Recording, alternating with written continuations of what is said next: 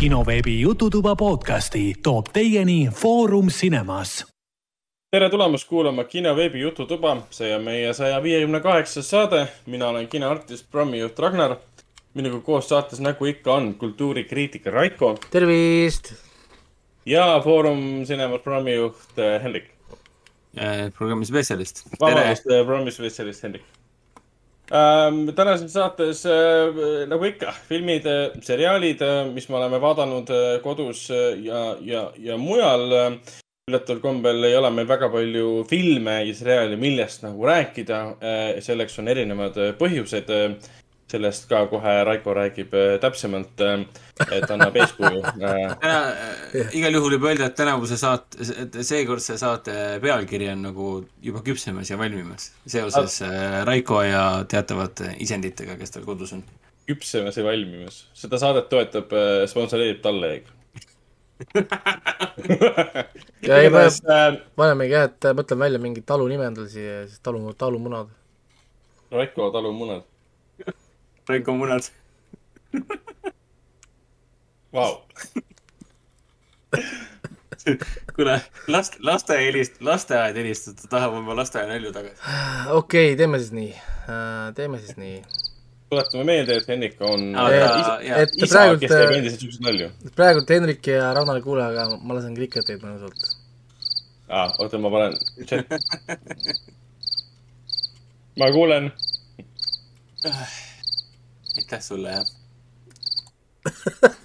igatahes, anyway, anywho um, ja enne kui edasi liigume, siis äh, filmide ja seriaalide juurde, mis me oleme siin kodus äh, vaadanud, mainiks ära, et äh, kinoveebi jututoa saated on leitavad Delfi taskus, SoundCloudis, Apple podcastis, Spotify's, Google podcastis, igal pool mujal.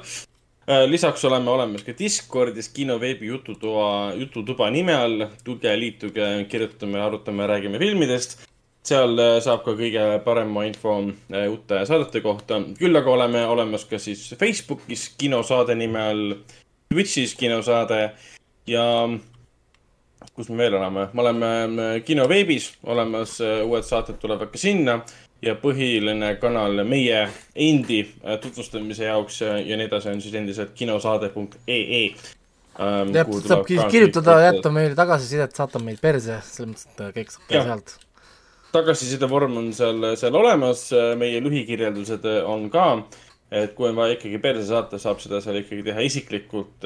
kodused, ja... kodused aadressid on ka olemas. jah, sa valisid jah nime välja ja siis lihtsalt, et kuule, sina, jah, sina, käi perse. Nii, et... ja kui tahate meid kõiki kolmekesi korraga perse saata, siis saab seda teha info, et kinosaade.ee aadressil, et lihtsalt äh, ähm, jaa. Ühesõnaga, ma ei, ma ei palu seda teha, aga kui juhtub, siis juhtub midagi teha, teha ei no kui tuleb keegi, keegi, kes ütleb, et Matrix neli on hea film või et või et Sandra, Sandra, Sandra saab tööd, oli mingi masterpiece, siis äh, jaa, sobib. jah, ja Matrix neli oli ähm, kindlasti üks, kas see oli see aasta või? ei olnud, eelmine aasta. mis asi? Matrix neli. eelmise aasta lõpus oli detsembris. detsembri film. lõpus, lõpus jah, jah, täpselt nii um,. mis siis veel, kommentaare meile ei jäetud, ei, ei kodulehele, ei siis äh, meilile. siin on mingit spämmi tulnud ega ka siis kinoveebi. mistõttu me saamegi rahulikult ja Discordi vaatasin ka eraldi mingit kommentaari ei ole välja tulnud peale selle, et Raiko pikk rant on siis äh, filmijuttude spoileritega sektsioonis, mis puudutab ähm, Doctor Strange äh, in the multiverse of madness filmi ja, ja see rentile saab siis jah, oma, oma poolt vastu ka jätta just sinna, sest seal on hetkel selle filmi nagu spoilerid. kuigi tulevikus peaks võib-olla ära nagu segmenteerima, et mis filmi jutt spoileritega see on, sest muidu ühes sektsioonis on erinevate filmide spoilerid, aga sa ühe filmi kohta tead midagi, teise filmi kohta ei tea. aga see vist läheb juba liiga keerukaks. Vot, räägime. sa nõuad liiga palju. jah, ilmselgelt jah. sa oled aga... high maintenance räägime filmidest.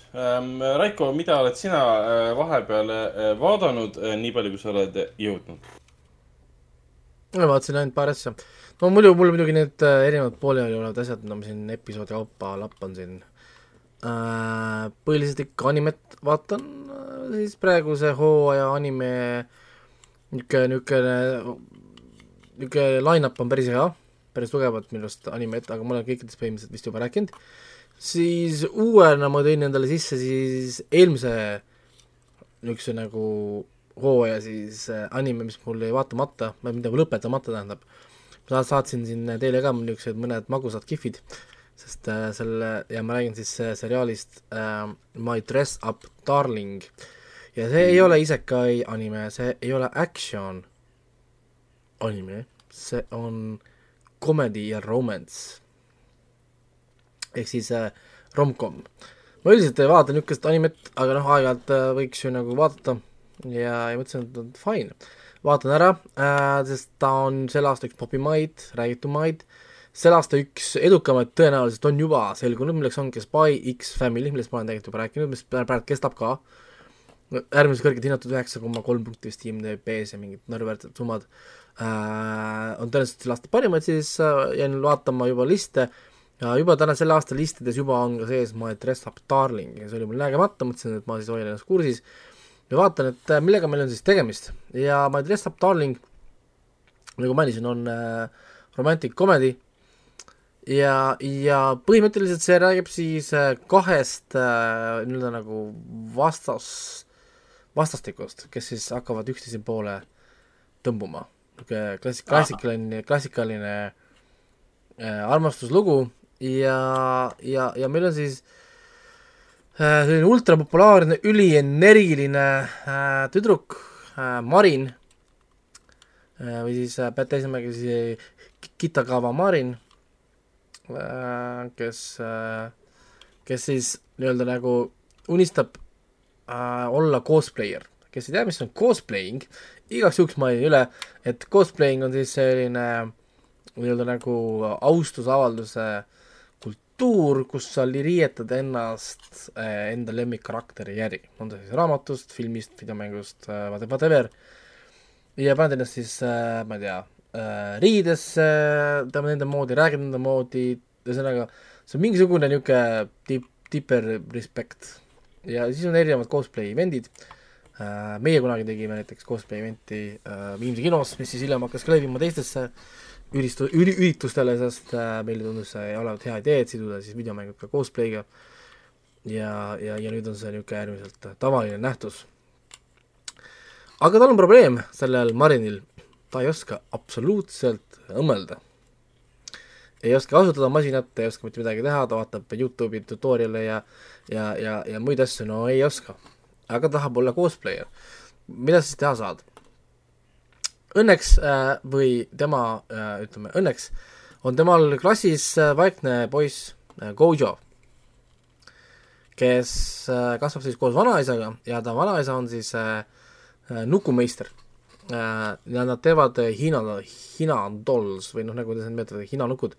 kui keegi ei tea, mis on Hiina nukud, siis need on Jaapanis kollektsioneeritavad äh, niisugused pisikesed nukud äh,, mis on siis niisugused valgete geisha nägudega, eriti stiilsete riietega, lehvikud, värgid, äh, väga niisugune kõrge kunstliku väärtusega niisugune nagu kultuurne toode, mida siis turistid eriti ostavad, just mingi Jaapani külastavad turistid ostavad enamasti neid Hiina nukkusid ja nad panevad endale siis need kappide peale või noh, niisugune nagu ühesõnaga, see on hästi niisugune kihvt ja, ja siis äh, vanaisa on siis selle nukkude meister ja siis poiss on kasvanud selles keskkonnas üles ta on ka õppinud äh, nukkude meistriks ja suur osa nukkude meistriks olemisest on nendele riiete valmistamine. ehk siis nüüd hakata saama aru, ehk kuhu see lugu siis läheb ähm,. nii-öelda poolkogemata juhuse tõttu äh, poiss leiab ennast üks päev koolist peale tunde äh, tegemas õmbl-, õmblustööd õmblusringis sest äh, kodune õmblusmasin läks katki ja surprise, surprise, sinna sisse astub äh, seesama Marin. Äh, Marin saab teada, et Gojo oskab õmmelda ja mitte lihtsalt õmmelda, vaid ta teab tõesti ikka väga palju asju riietest, kõikidest muudest asjadest ja muidugi naerab selle Marini tehtud töö välja lihtsalt, et mis asja, mis asi see, mida sa oled teinud. kui see Marin demonstreerib talle oma seda cosplay'd ja, ja naerab välja, issand, sul, sul pole siin mingeid topeltõmbluseid, sul pole siin mingit, ma ei tea, lineneid, sisendeid, mingi whatever asju, kõik on tegemata ja mis sul lühend siin ja kuidas sa seda liigutad, siit on mingi kõik tegemata. ja siis äh, Mari muidugi laseb pisaraid, mees muidugi on what the fuck, miks pisarad tulevad ja nii nagu see maailmas käib, naine valab pisaraid, mees on kõigega nõus ja enne kui Kootšov saab arugi, on ta juba äh, hooked ja hakkab siis disainima tüdrukule äh, riideid. Aga tal on probleem, Gojo on elanud terve elu nii-öelda nagu erakuna äh,, ehk siis ta lihtsalt ongi tegelenud oma nukkudega ainult, ta, ta ei ole vaadanud kultuuri piisavalt, et olla nagu teemas sees, mida tähendab olla cosplayer. ja, ja selleks, et saada aru nende kostüümidest, see tüdruk hakkab teda harima kultuurselt. ja, ja, ja karakter, keda Marin äh, tahab kehastada, on porno videomängust ja what? jaa, jaa, te kuulsite täiesti, täiesti õigesti. ja mitte lihtsalt pornovideomängust, vaid see on äh, pornovideo, pornovideomängu järjest. ja, ja, ja selle jaoks, et poiss saaks aru äh, sellest äh,, Mari muidugi annab talle lahkelt äh, mõlemad mängud, et mängi ilusti läbi. et siis sa saad aru ja sa tead täpselt, kes ma tahan nagu olla. jep. Ja Okei. ja, ja niimoodi hakkab see lugu siit äh, nagu minema ja, ja mingi hetk siis paar episoodi sisse Marin avastab, et ta on ära armunud sellesse Gojosse ja, ja, ja teevad kostüümid valmis ja see cosplay on äärmiselt edukas, äärmiselt kõrge kvaliteediga ja siis teised cosplayer'id on nagu what the fuck, kes on Marin ja miks tal on nii vägev kostüüm. ja kui nad saavad teada, et selle kostüümi on teinud Gojo, siis Gojo äkki avastab, et tema ümber on palju ilusaid äh, naisi, kes kõik tahavad saada erinevaid äh, kostüüme, muidugi äh, mõned on ikka äärmiselt paljasta-, paljastavad ja, ja, ja siis Marin leiab ennast nüüd situatsioonis, kus ta peab hakkama võitlema teiste naistega. ah, nii sellisest sotsiaalsest äbarikust saab järsku nõutud tüüp, jah? ja kõik sellepärast, et ta oskab äh, õmmelda ja disainida riideid. nii mehed, kes te olete mõelnud, et äh, kus kurat neid naisi siit Eestis leida, siis palun väga äh, siit, siit praegult äh, kuulete, hakake õmblema palun. Äh,, hakake õmblema, tehke disainige riideid.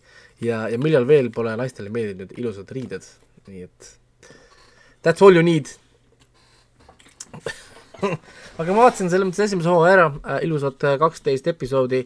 Äh, ma ei tea, lihtsalt Darlingust ja ta on äh, niisugune noorte esimene armastus, palju komöödiat, palju niisugust piinlikku situ-, situatsiooni, niisugust äh, omajagu tagumikku ja dissi ka, niimoodi, et, et ütleme, et äh, võib-olla kõige nõudlikumad fännid tahavad nagu veel, siis selle jaoks on incognito mood ja, ja viisid, kuidas guugeldada seda ruulvõlge kolmkümmend nelja, aga, aga, aga, aga tavafännid tõenäoliselt äh, on, on sellega rahul.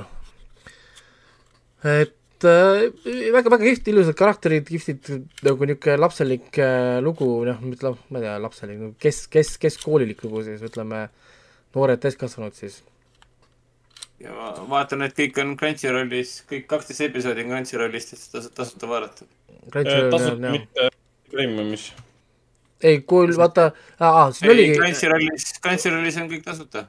kõik ei ole tasuta, tasuta on ainult äh, põhilises keeles, tähendab jaapani keeles inglise keelt subtiitridega on tasuta. et see oli see, mida Argo mulle ühe kirjutas, et miks ta ei saa vaadata seda Demon Slayeri tasuta inglise keeles, sellepärast et see on ta dubleeritud ja dublaažid ja muud keeled on ainult premiumiga. et tasuta on ainult jaapani keeles ja inglisekeelsete sub- subtiitritega ehk siis basic versioonid. ehk siis nii nagu peaks vaatama, on tasuta.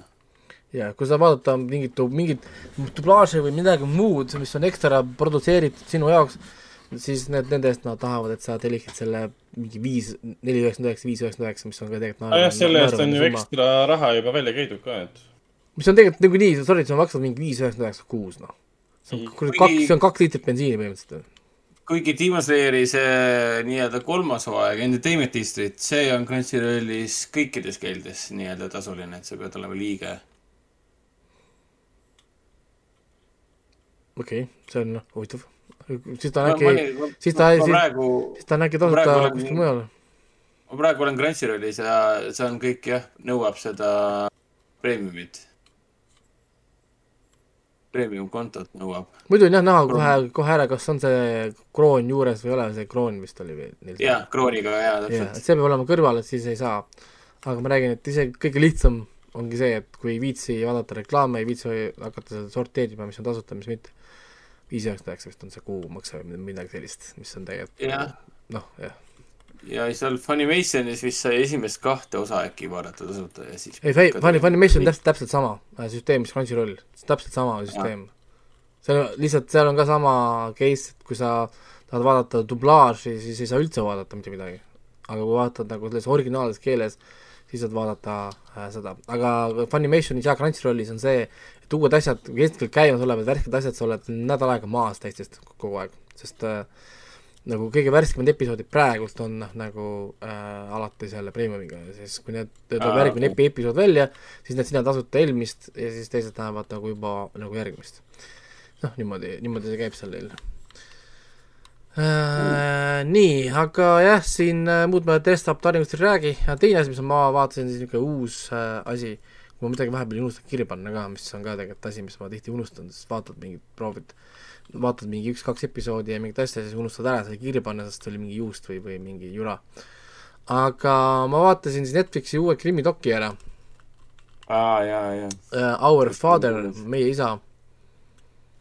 mis sa oled taevas. Mis on päris äh,, päris haige lugu. jõhker, noh, ma saan aru, et ta on ainult sihuke veider vaatamine tänu sellele, et lihtsalt üks isa on kõigile mit-, mitte ainult, see on lihtsalt haige lugu.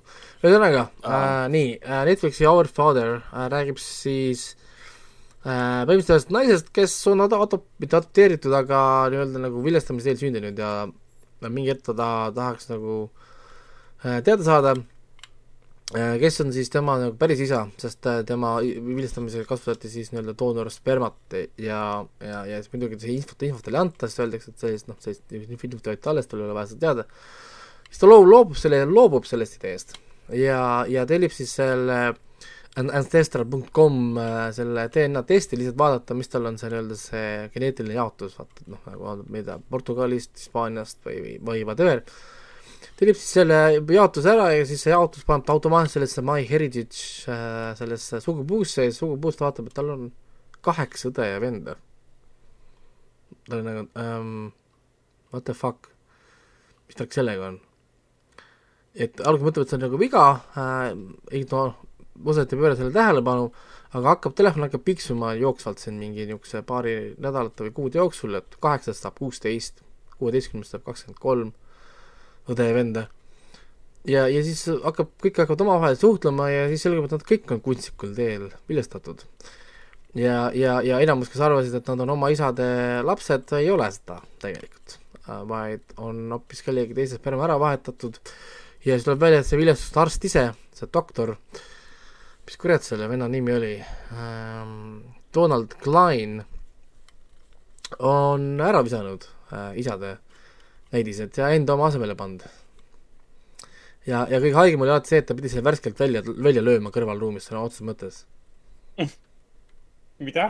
jaa, sest see, need olid kõik seitsme, seitsmekümnendatel ja kaheksakümnendatel ehk siis neil polnud veel viise, kuidas neid korralikult külmutada või nagu hoida, ehk siis sa pidid kasutama nagu mingi värskelt, nagu värsket kraami. ehk siis Art läks okay., Art läks kõrvalruumi, lõi, lõi endale välja ja siis tuli ja hakkas aga naist seemendama. okei okay.. jaa aitäh sulle selle, selle vaatamise eest. ei, see on, see on päris haige jaa, ma olen, ma olen nõus, et see on päris crazy story. ja, ja järjest tuleb kõik nad muidugi välja, nad on kõik blondid juustega, siniste silmadega, eks nad arvavad, et see on äkki mingisugune kultusteema, et umbes, et Arya on master race'i teha ja samal ajal vendal on kümme mingi geneetilist haigust, eks kõik lapsed on mingid pool, pool haiged tal, ehk siis ta poleks kunagi tegelikult doonoriks isegi sobinud. Ja, ja, ja muidugi see kinnimätsimine, et oo, et üle kümne lapse ei saa olla, on ju, siis üle viieteistkümne pole ja, ja muudkui aga leitakse, leitakse juurde kuuskümmend, seitsekümmend, kaheksakümmend, on ju. numbrid kasvavad kogu aeg ja kõige haigem on nagu see, et nad on tegelikult nii väikse ala sees, nad kõik elavad mingi kahekümne viie, mis sa ütlesid, ruutmiili sees elavad inimesed kõik.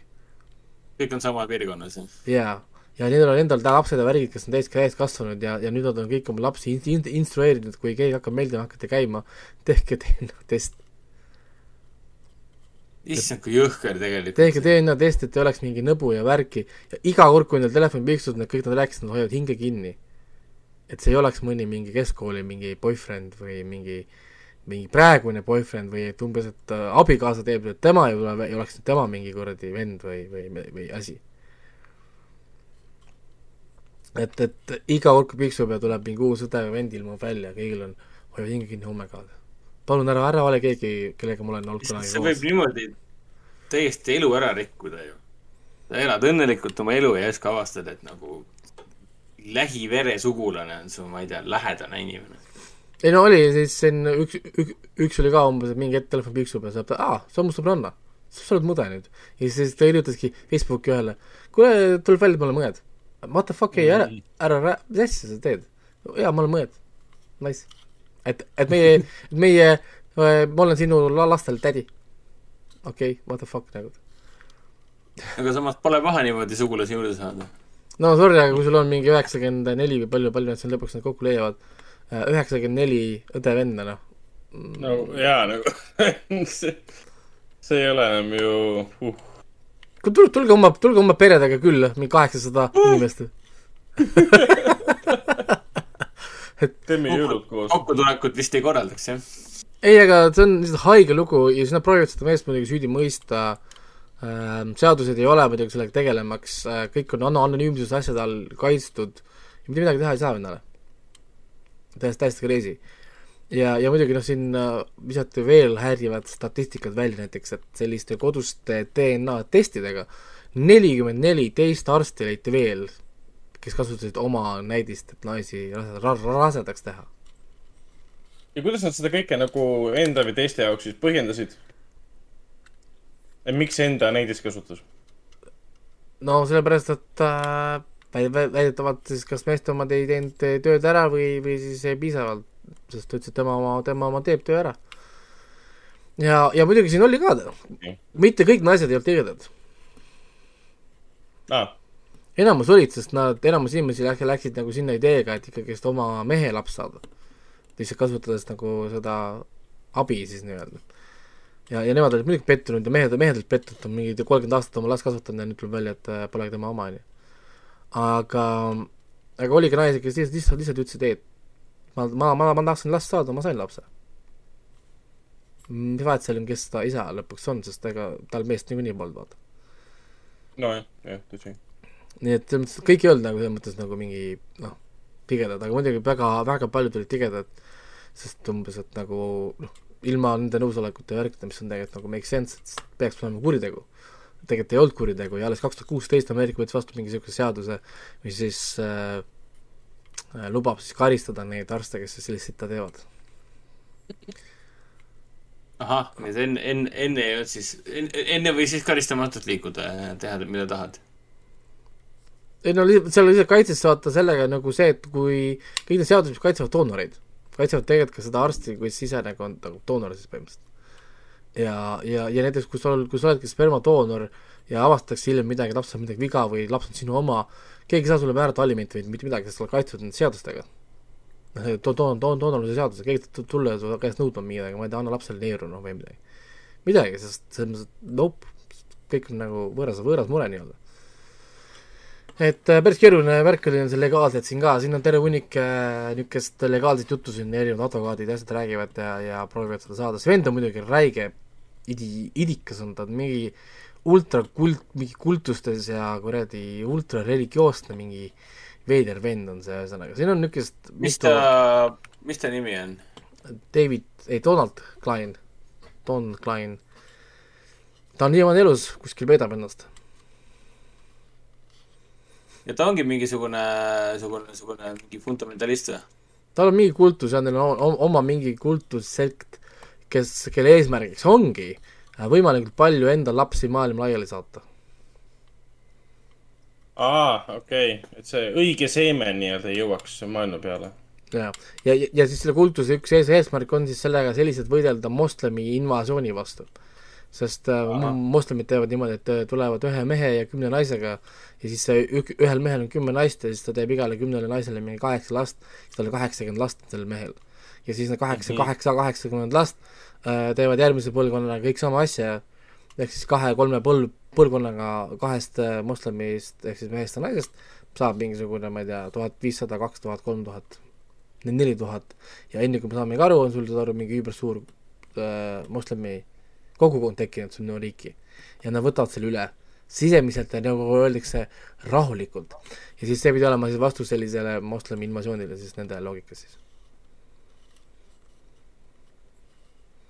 Äh, nojah, võiks öelda you do you nagu, aga ei, ei, ei ole nagu lahendus olukorrale. ei, see oli täiesti, ei see on, see on, see on creepy, see on vastik, vaatad, vaatad, kuuled nende inimeste lugusid, see on lihtsalt haige. See on lihtsalt haige, selles mõttes, et siin ei pea nagu mingi, mingi nagu what? Ah,, juba seesama idee, et sa lähed mingi kõrvalruumi, tood välja ja siis lähed seda sisse toppima kellelegi, nagu kogu see protsess on juba nii haige lihtsalt, et nagu kellelgi kuskil tuleks mõni sõrm või käsi natuke ära, ära lõigata, et et, et kus on härg, kui on, kui, kui on vaja kedagi näppu või asju lõigata? ja see, ja see tüüp ise siis, tema elab oma elu kuskil, peidab ennast ja selles mõttes ta ei, ma saan aru, et ta nagu elab äh, lihtsalt madala profiiliga elu praegu ja ta vist elab ikka veel samas kandis edasi. jah yeah.. ja see vastab, oota, Raiko, sa vist, Merike, sa mainisid seda, aga ma saan aru, et ta põhimõtteliselt pidi kaotas oma töö, et ta ei saa enam praktiseerida. ei no sorry. ja, ja äh, mis asja, viissada dollarit pidi trahvi maksma ainult või? ta, tal võeti ära arstilitsents kümme aastat peale seda, kui ta oli läinud pensionile. Jaa, jõhker, jõhker karistus ja kas see vastab, vastas tõele, et viissada dollarit pidi trahvi maksma või? no jah, sest neil ei olnud tegelikult ühtegi kohtu case'i, ma ei taha spoil ida seda, aga nad lõpuks okay. leidsid, leidsid mingi asja, kuidas seda kohtusse kaevata ja siis selle kohtunik määras selle eest viissada dollarit trahvi. ma veitsin, lugesin ühe artikli, ma võib-olla, ma ei taha lugeda, ma tahan seda ise vaadata, see on spoiler nii-öelda et, et, et, et neil oli üsna keeruline seda, seal USA no, osariikides on ju kohtus väga keeruline, kui sul ei ole reguleeritud seda, siis nagu sa mainisid, on ju võimatu tegelikult kohtusse kaevata, et noh, et noh, sa pole kaitstud. klient pole kaitstud nii-öelda. et ma saan aru, et nad püüdsid seda esialgu siis nii-öelda vägistamisena ka kohtusse viia. oi, sellega ei olnud midagi teha. seda ütles kohe, kohe öeldi, et siin pole, vägistamist ei ole jah, kuna jõudu ei kasutatud, siis järelikult ei saa ei ole, seal polnud isegi jõudu, seal nad rääkisid kusjuures vägistamise definitsioon, mis, mis oli tegelikult nagu huvitav, oli see, et vägistamine on pealesunnitud seksuaalvahekord. mitte, mitte, mitte, mitte kuskil pole sõna uh, force. Mm peale sunnitud. ja, ja, ja sest kusjuures see oli, ta selgitas seda sellepärast, sest varasem definitsioon jättis mulje, nagu naised ei saaks mehi vägistada aga nagu tegelikult saab, sest a la kui naisboss ütleb sulle, et magad, mina magad minuga või siis on täpselt, täpselt sama positsioon. ta ei, ta ei kasuta füüsilist jõudu, et sind ennast sundida, aga ta, ta kasutab mingit muud power'it, et sind, et sind sundida. nii et see on nagu, eks see oli nagu see, aga siin ei olnud seda, siin ei olnud ühtegi seksuaalvahekorda nagu. ja vaatan seda treilerit, see tundub ikka jõhkralt, jõhkralt huvitav. ja, ja, ja samuti ei saanud äh, keegi midagi teha meditsi-, meditsi-, meditsiiniliselt, sest kõik protseduurid olid korrektsed, oli oma ala spetsialist, oli räägib parem kui enamus, kõik teised, ta suutis teha naisi rasedaks, kes ei suutnud üldse lapsi saada, ta taastas naistel äh, äh, nii-öelda selle sigimisvõime, kes olid jäänud ilma sellest värki, ehk siis ta oli, see oli kõige haigem osa seal, et oli nagu mingi mega hea arst ise samal ajal siis väga austatud ja väga nõutud ja väga hinnatud. aga kuskil oli midagi nagu väga valesti, mingi kuradi kruvi oli vales kohas ja läinud roostesse ja kuradi aju paistesse ajanud. et, et äh, midagi oli nagu paigast ära ähm, ja, ja noh, vastik vend muidugi ka ja, ja need telefonikõned ja värgid, creepy. väga nagu creepy ähm,. tal on endal, endal, endal lapsed muidu, ta on ju abielus mingi kuuskümmend aastat olnud tal on nagu oma, oma, oma naisega ka lapsed. see oleks päris hea, ma ei kujuta ette, et ma peaks ütlema oma naisele mingi päev. kuule, et mäletad, meil on kodus neli last või mm -hmm.? tegelikult on nagu see, et mul on võib-olla rohkem kui neli. kui palju rohkem? noh, give or, give or take hundred, siis nagu okei okay,, what the fuck tõesti crazy. jõhker lugu. ei, Ameerika noh, nagu kohe, kui tundub mingi moment, et kurat, et enam ei tule midagi üllatus, ülla-, midagi üllatavat, et tuleb midagi uut. aa, meil on uus krimitokk, vaadake seda. aga see kultus ise, kas selle kultuse koha pealt, kas see oli nagu päris kultus, palju seal liikmeid see on mingi päris kultus, ma guugeldasin seda ka, tuleb, sorry, Ameerikas pidi olema mingi kaksteist tuhat kultust iga päev aktiivselt tegelemas Okei. ja, ja kes jõuab neid kõiki nagu ähm, guugeldada või, või noh, nagu uurida infot. ja siis konkreetselt seda konkreetselt ma guugeldasin ja tõepoolest nad eksisteerivad ja tõepoolest neil ongi mingid niisugused plaanid ja, ja täiesti kettas, kettad peast ikka. see on lihtsalt veider ka nagu, et kui sul on mingi mitte päris kultus, kus on mingi mõned liikmed ja tema on üks nendest, et kuidas ta tõesti arvas, et see aitab võidelda nii, nii-öelda jutumärkides siis moslemite invasiooni vastu? Ta peaks olema mingisugune miljon liiget üle kogu maailma No kes sellega vaata- tegelevad, siis võib-olla saab mõelda selle peale, et see aitab. ma arvan, et see viga oligi see, et sa rääkisid siin kasu, kasutasid, kasutasid sõna mõtleb. ma arvan, et siin keegi no jah,, jah. keegi ei teinud sellist asja, sellist, asja siin. ma hakkasin jah mingi loogika peale mõtlema. Ragnar ootab, Ragnar ootab jälle liiga palju. ja ma hakkasin kohe mingi, this all makes sense nagu. Ragnar, Ragnar on nagu Friendsis see Monika, hästi see high maintenance nii-öelda, nõuab, et kõik oleks korras ja läbimõeldud. Prince'is Monika Ei, Friends mitte mitte Fringe'is. Aa. Fringe. ah,. peaks Prince'i uuesti vaatama. uuesti vaatama, vaata asju, mis on vaatamata. samal ajal Timo Slayer läheb mul ukse lahti, annab mulle peksa lihtsalt mingi, vau, rahu. Surprise, uh, jaa, see, see nitsu tuleb. magab ja lööb sind. peaks mingi teenus olema maailmas, et ma saan tellida endale. kuule, kusjuures tegelikult seda oleks ju nii lihtne, et tulete siia, me vaatame terve hooaja koos ära selle Entertainment Arki, ma vaataks selle uuesti, jumala pohhuilt. suured ekraanid No, no,, need on ainult üksteist episoodi, ainult üksteist episoodi, kakskümmend minutit per kärss. me vaataks selle ära väga, väga kiiresti, kolme tunniga. ja sinu juurest ei saa plehku, plehku, ei saa plehku ka panna selles mõttes. kolm tundi vaadatud ja pärast seda me saame veel vaadata filme ka jumala pohvilt, sest äh, kolm tundi on ka kahe filmi aeg. Ja ongi Ongi. terve, terve asi, asi, asi tehtud. lihtsalt, lihtsalt elu on, elu on selline, et sa ühel hetkel hakkad vaatama, et oh, ma jõuan läbi vaadata ja siis tuleb päev kaks nädalat vahele. Raiko mingi, mis toimub? jaa, ei, aga jah, see oli siis Netflixi Our Father äh,, need, kes tunnevad, et äh, meil ei ole piisavalt palju veidrust äh, elus ja rõvedust on väheks jäänud, siis Look no further uh,, Our, Our Father Netflixis, kõikidele, kõikidele vaadatav. andke minna. et tehke see mees kuulsaks, siis see Donald Klein, mitte et see teda enam kotiks, sest ta on mingi kaheksakümnenda peale juba, ta on põhimõtteliselt suremas juba, tal on suva. no ta on mingi, mis ta on, mingi sajaaastane praegu?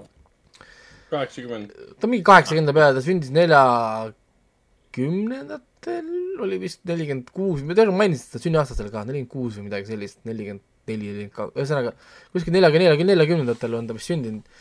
nii et ta peaks olema praegu jah, seal kaheksakümnendate kandis. sest ta oli viiskümmend või nii, kui ta neid seal lapsi seal seemendas seal.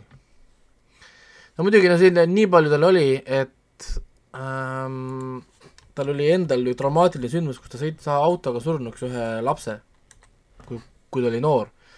peale mida ta hakkas õppima seemendamist ja asju, mis tundus olevat nagu psühholoogiline viis, kuidas anda, anda tagasi, ta võttis maailmast ühe lapse ära, nüüd ta õpib seemendama ja vilja, viljastust ja kogu seda protseduuri, et umbes nagu anda siis maailma lapsi tagasi. aga kuskil midagi läks nagu nihu.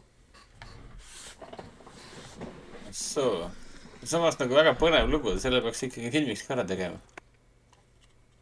paneks mingi, mina ei tea, kes on siuke mõnus mõmmik, kes võiks seda meie tegelast mängida?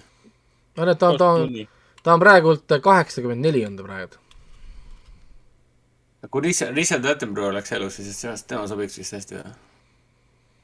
David Attenborough võiks mängida. ta on vanem, ta on üheksakümmend viis vist, üheksakümmend kuus. kes see? David Attenborough. või mis ta nimi on?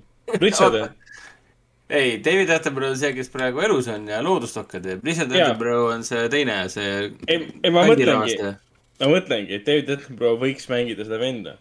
ainult, et ta on viisteist aastat või kümme aastat vanem kui see algupärane vend. kuule, tal on reputatsioon, ta ei hakka mingit seemendajat mängima. pluss ta ei ole näitleja, või on?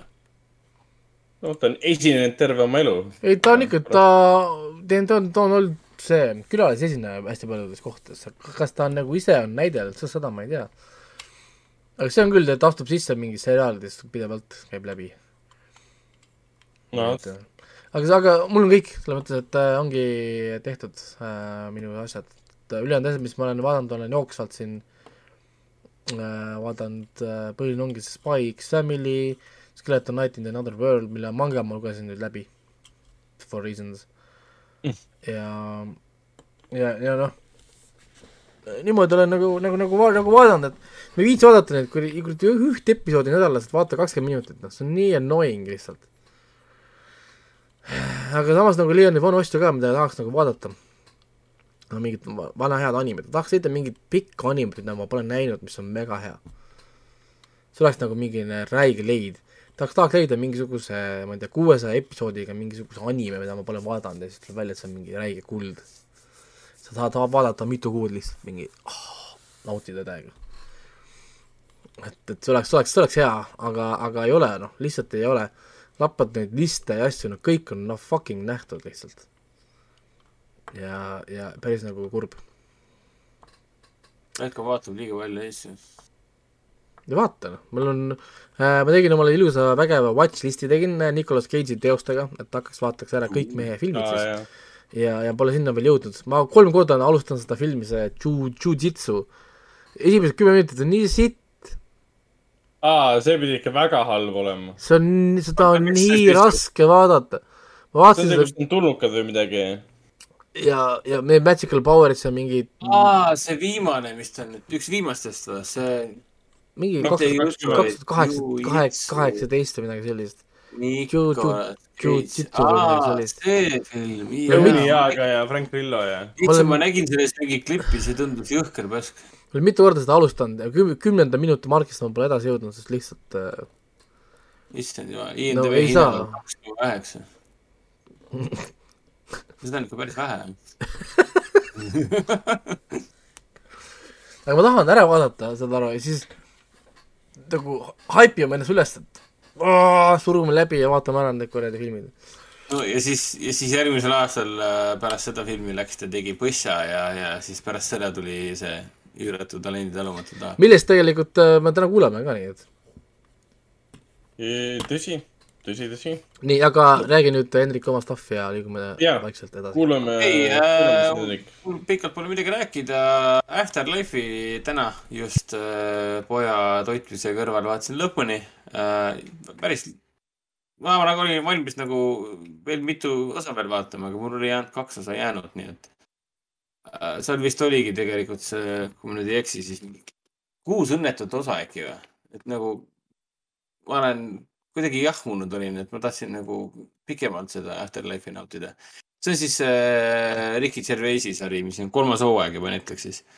sellest leinavast mehest, kes äh, vihkab kõike, mis liigub ja kui ta ei liigu, siis ta vihkab tast nii kaua, kuni ta hakkab liikuma äh,. aga ja, panin sellele hooajale põhimõtteliselt üheksakümnest, et äh, noh, väga, ma olen hämmastunud, et see Ricky Gervais äh, et ta on nii nagu elutargaks äh, kasvanud. ma vaatasin, Netflixis tuleb juba järgmine nädal äkki midagi taolist. tuleb uus Ricky Gervaisi stand-up tuleb ka välja, ma panin talle juba reminderi ära. see järgmine nädal esmaspäeval, ehk siis homme juba, tuleb äh. Servant of the People teine hooaeg Netflixi. Lihtsalt mainin. ongi nii või? aa, mul on esimene vist kunagi ammu saan valmis. Never mind. sest oota, Erik praegu tahtis öelda lauses, et tal on midagi lõpuni vaadab, vaadab, vaadatud, aga jah, ma, Aga- aga- aga siis ta- ma ei, ma parem ei ütle midagi.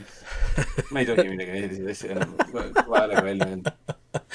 aga see hämmastav on jah see, et äh, nüüd ma ootan väga seda Ricky Gervaisi uut äh,, ah, ma pidin ka vaatama, mis selle nimi oli, Ricky Gervaisi uus äh, stand-up, mis nüüd tuleb sinna Netflixi ka e. aga muidugi, kui ma ots-, teen, panen otsingusse, siis ta näitab mulle tulevasi asju. okei okay,, never mind siis.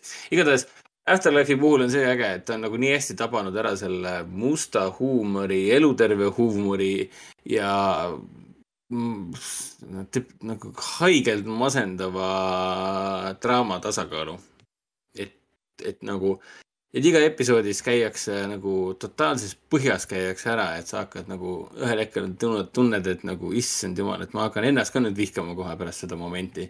Siis minnakse kohe kuskile kõrgustesse ära, et siis sulle enda tuletada, et eh, tegelikult on kõik hästi, et siin on, see on ikkagi eluterve huumoriga seriaal, et ärge pange tähele, et vahepeal läheb see asi ikkagi väga viletsalt, osa tegelaste jaoks läheb asi ikka väga viletsaks ära ja nii nii, nii, nii, no meie peategelane ka muidugi on nii masendavalt kurb kogu aeg, et lihtsalt nagu endal läheb ka nagu motik täiesti maha. aga siis Serveis kogu aeg keerab nagu kurvi, kurvi keerab sisse ja teeb äh, kolmsada kuuskümmend kraadi teeb ka ära ja tuletab sulle meelde, et oh ei, tegelikult on kõik hästi, meil on siin palju nalja. oota, kas ta teeb kolmsada kuuskümmend kraadi või ta teeb see, ta teeb sada kaheksakümmend kraadi? no okei okay,, ma tahtsin teed... pigem, pigem sada kaheksakümmend kraadi okay,, sest kolmsada kuuskümmend kraadi ei, ei, ei, ei teeniks eriti mingit eesmärki. siis oled tagasi, kus sa alustasid, jah? no jah, täpselt. ma pigem tahtsin öelda sada kaheksakümmend kraadi, jah. Et, et, et tubli Ricky Gervais, et ta minu meelest muutub aina, aina tugevamaks. et mida vanemaks ta saab, seda andekamaks ta muutub. et ta nagu väga hästi teab, kuidas inimesi närvi ajada, et ta oskab väga hästi, väga terav olla aga samal ajal ta on hästi nunnu mõmmik, nagu nii nagu Raiko armastab siin äh, erinevaid, erinevaid tegelasi iseloomustada, et ta on niisugune nunnu, nunnu karu, karumõmmi, äh, kes, kes äh, ühel hetkel on nunnu karumõmmi, järgmisel hetkel läheb kooli, kooli, koolist mööda, seal on üks väike puntsakas lapsukene ja ja ta sõi-, sõimab teda puntsakaks, puntsakaks kartuliks ja kui ah, sa jah, minu sõbra lapsele veel midagi halvasti ütled, siis ma tulen öösel ja äh, teen sinuga asju, mis ei kannata praegu eetri eetri, eetri, eetikriitikat või mis see sõna on? Ma ei taha korrata. ei, seal, see, ma olen näinud seda klippi, kus mingi ta paksu lapsega vaidleb selle, et kuule, kas sa oled pedofiil või? ma ei ole pedofiil, aga kui, kui ma oleksin, sa ei ole minu maitseks, sa oled, sa oled liiga paks. oli küll, jah. üüdistada, piido, piido siis Ricky Gervais pani ta niimoodi paika, et see oli lihtsalt võimas wow,. Vau, täis, täis, täiskasvanud mees pani nagu mingi kaheksa-aastase lapse paika, mul on nagu. Great success, mingi vau. aga mulle Rick, Rick, Ricky Gervaisi puhul muidugi tundub, et see, et ta teeb, teeb nagu tõsisemat kraami nüüd, see ei tähenda absoluutselt seda, et ta on muutunud vähem teravamaks. et see uus stand-up, mis on tulemas, ma arvan, et isegi kui keegi paluks nüüd, et tuleks jälle seda, seda Oscareid või või kuldgloobuseid äh, äh, sisse juhatama mm, olema õhtujuht, siis ta oleks ilmselt sama terav. Raiko tegi meile ma... väikest äh, Super Mario referentsi või noh, plugin, plugin, plugin'i. aa ah, see on see Face Dispenser või mis ta nimi on?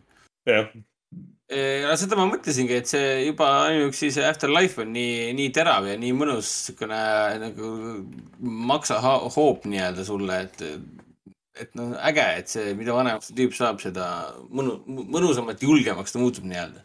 et vähesed on, vähe on veel selliseid, kes julgevad nii, nii vastikult äh, masendavad olla ja nii vastikult äh, vastupidine kõigele sellele, mis äh,, mida, mida, mida meilt praegu nõutakse, et Ricky Gervais ei ole mitte kellegi lumehelbek, ta on vastupidi, ta tuleb ja sulatab kõik ära lihtsalt.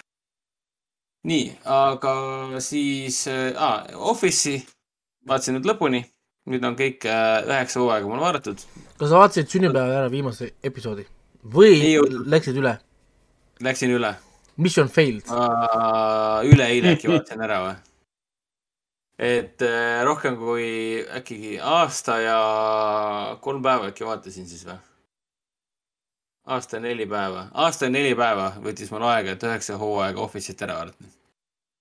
et olen endaga väga rahul viimase hooaja viimased episoodid olid umbes nii, et äh, vägisi tahtis, tahtsid pisarad silma tulla äh, ja, ja, ja tulidki tegelikult.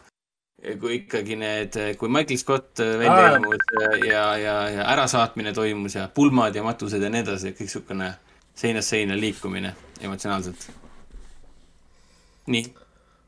ei midagi, mul laps proovis mulle Facebookist praegu helistada, nii et see Facebooki helistamise kõne jäi saatesse ah. ka, nii et ah.. aga ma olin striimi kinni pannud vahepeal. ma panen tagasi sisse, siis ma jaa, see pulmadest, kuhu tuleb ju see Scott sinna ju. jah, täpselt. ja üldse väga, eriti mulle meeldis see, ma ei tea, kas Raiko mäletab seda, aga see Jimmy see kut-, kutenprank nii-öelda ja kuidas ta vahelduseks tegi siis neid häid, häid vingerpusse Dwightile ehk siis tegi oma vingerpussi ära siis vaatas kaamerasse mingi yes, this was the guten prank. ehk siis nagu hea pränk või? hea pränk ja et ütleme nii, et kirved maeti maha lõplikult ja üksteisele vaadati sügavalt silma ja kiideti pikk, pikka karjääri äh, selja taga. Ja oli näha ka, et äh, see ei olnud enam tegelased, kes üksteisega hüvasti jätsid. Ja see oli selgelt näha, kuidas näitlejad jätsid üksteisega hüvasti, et siin see, see Mose'i rollis see, Dwighti venda, venda Mose'i mängib ju see Michael Schur, kes on üks seriaali loojatest see hull mõus, kes, ma ei tea, röövib siin naisi pulmaõhtutel ja, ja, ja, ja on üldse peas soe mingi väike tegelane. Tati perekond on üldse nagu kõige, kõige ägedam äh, saksa päritoluga perekond, mis ma olen kuskil televisioonis või filmis näinud. aga jaa, Office äh, viimased osad tõid pisara silma ja mul on, mul on nagu reaalselt sügavalt kahju, et see nüüd läbi on. aga ma arvan, et äh, võib-olla siis, kui teine poeg sünnib, teine laps sünnib, mitte poeg, ka tütar olla, ma ei diskrimineeri. et kui teine laps sünnib, siis ma panen seriaali uuesti peale. vaata, kaua siis aega võtab. Kuigi neid seriaale, mis kestavad pikalt, on nii palju. aa, pagan.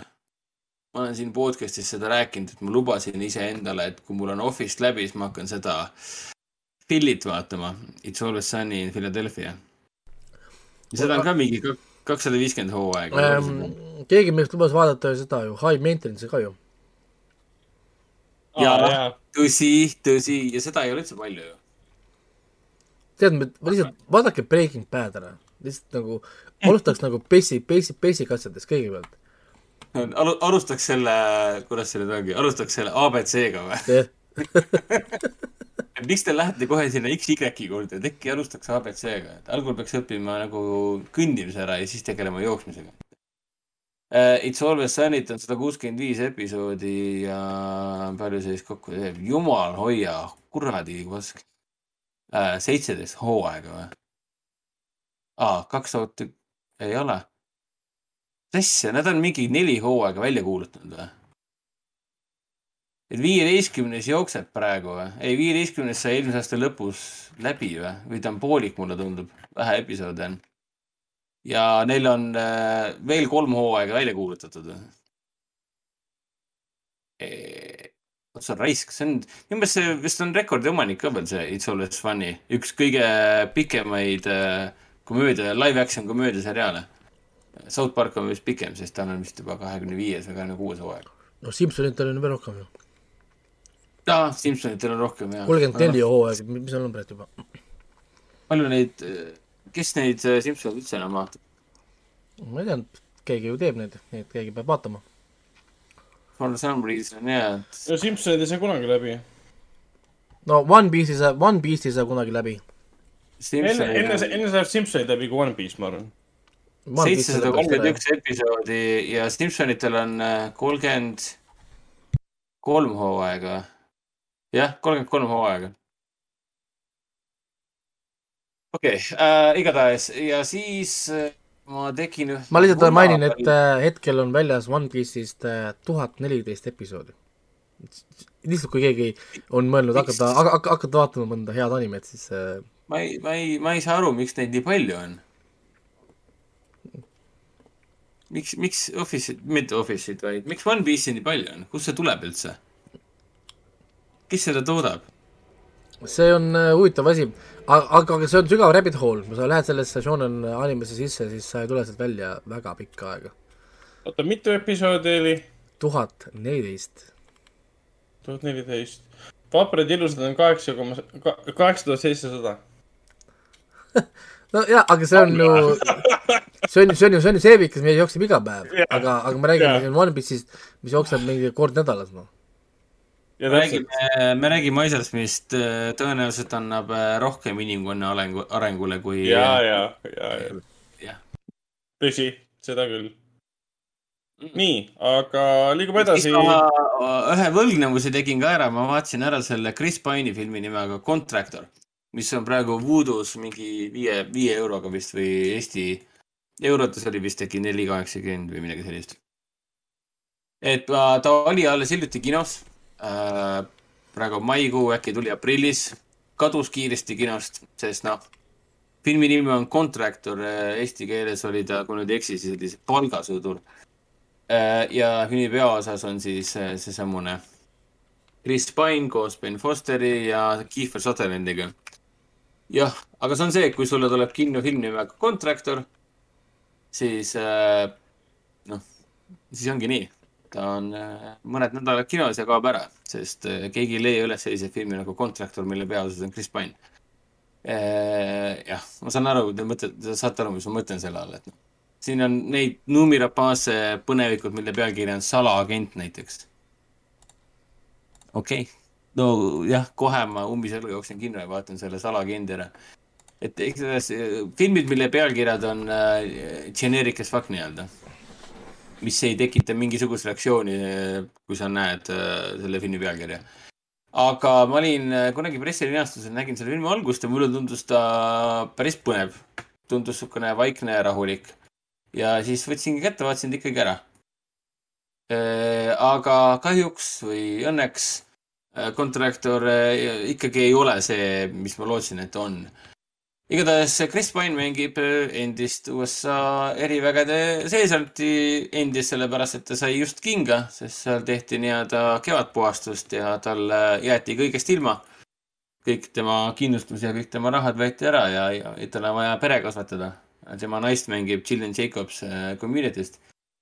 Ja loomulikult ta siis satub äh, Kiefer Sutherlandi ja oma parima sõbra Ben Fosteri küüsi ja üheskoos minnakse siis äh, musta, noh, Black Opsi põhimõtteliselt eri, erioperatsiooni tegema ja loomulikult see erioperatsioon läheb käest ära, sest selgub, see on juba treilerist näha, et Kiefer Sutherland ei ole see, kes ta, kes ta väidab, et ta on.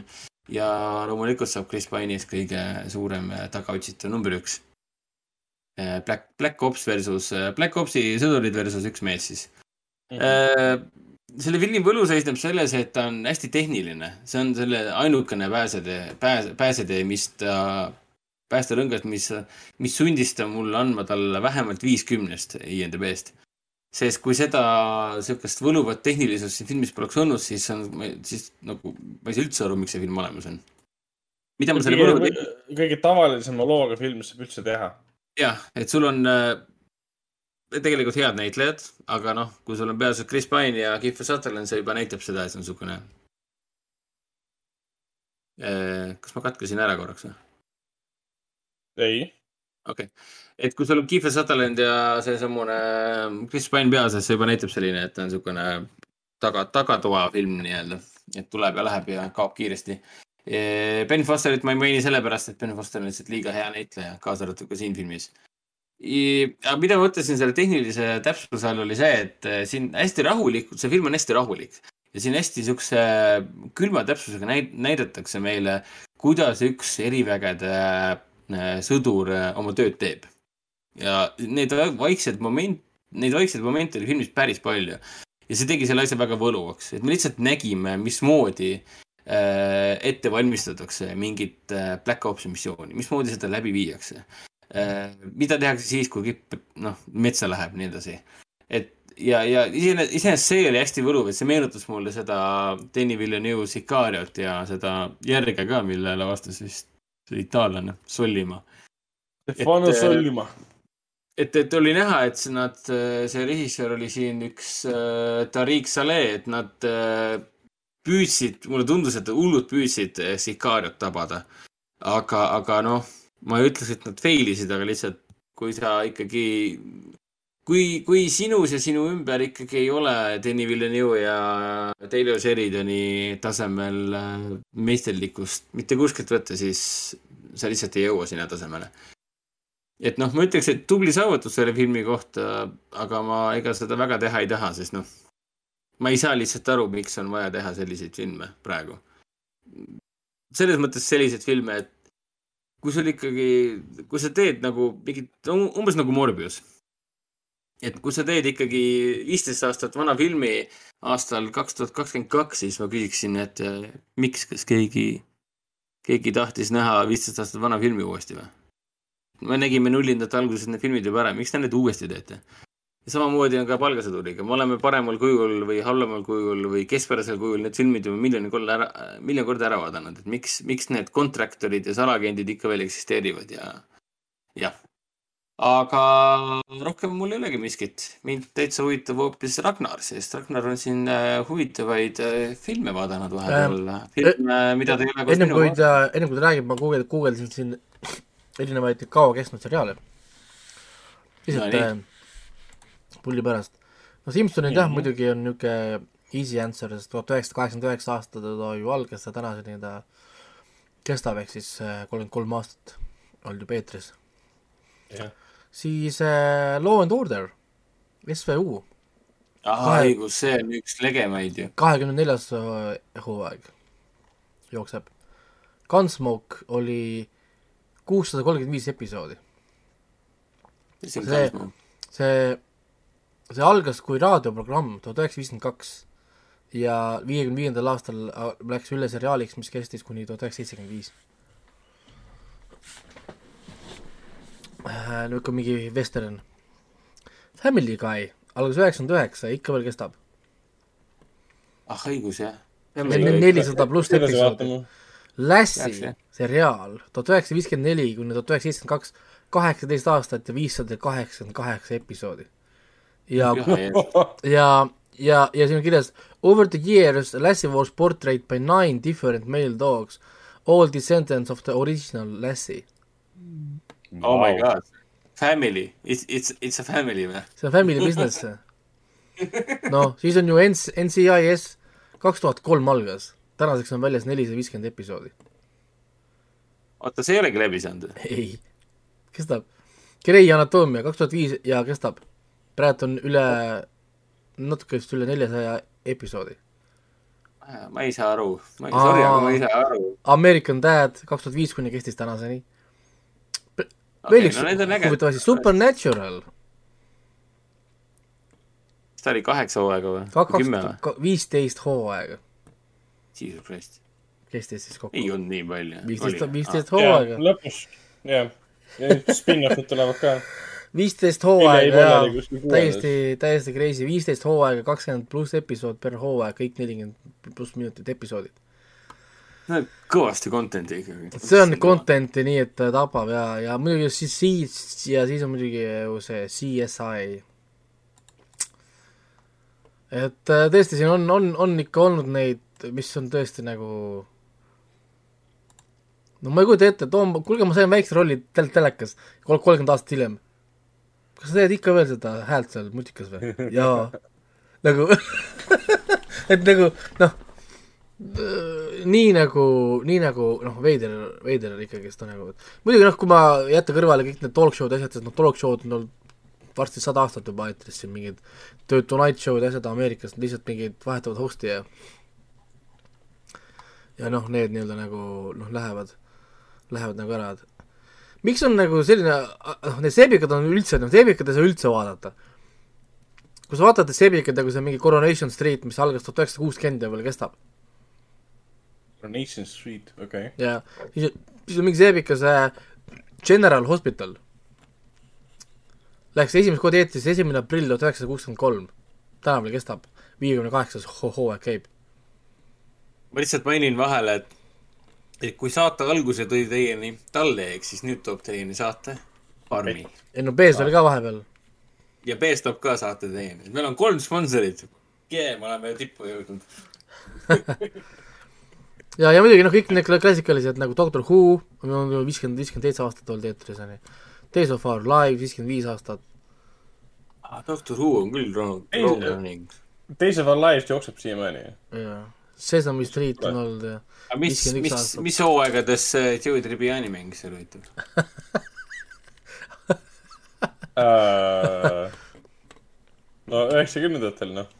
aa, okei, jaa, jaa, makes sense. et crazy, kuidas ikka osad asjad ikka tõesti kestavad nagu, aga veider, veider mõelda tõesti, et Supernatural, mis oli pisikene väike mingi kõrvalprojekt Jenseni Äkkeltsi jaoks, viisteist fucking aastat. See oli nii armastatud seriaal ka ju, täitsa kas lõplik. ta tõesti algas kõrvalprojektina või?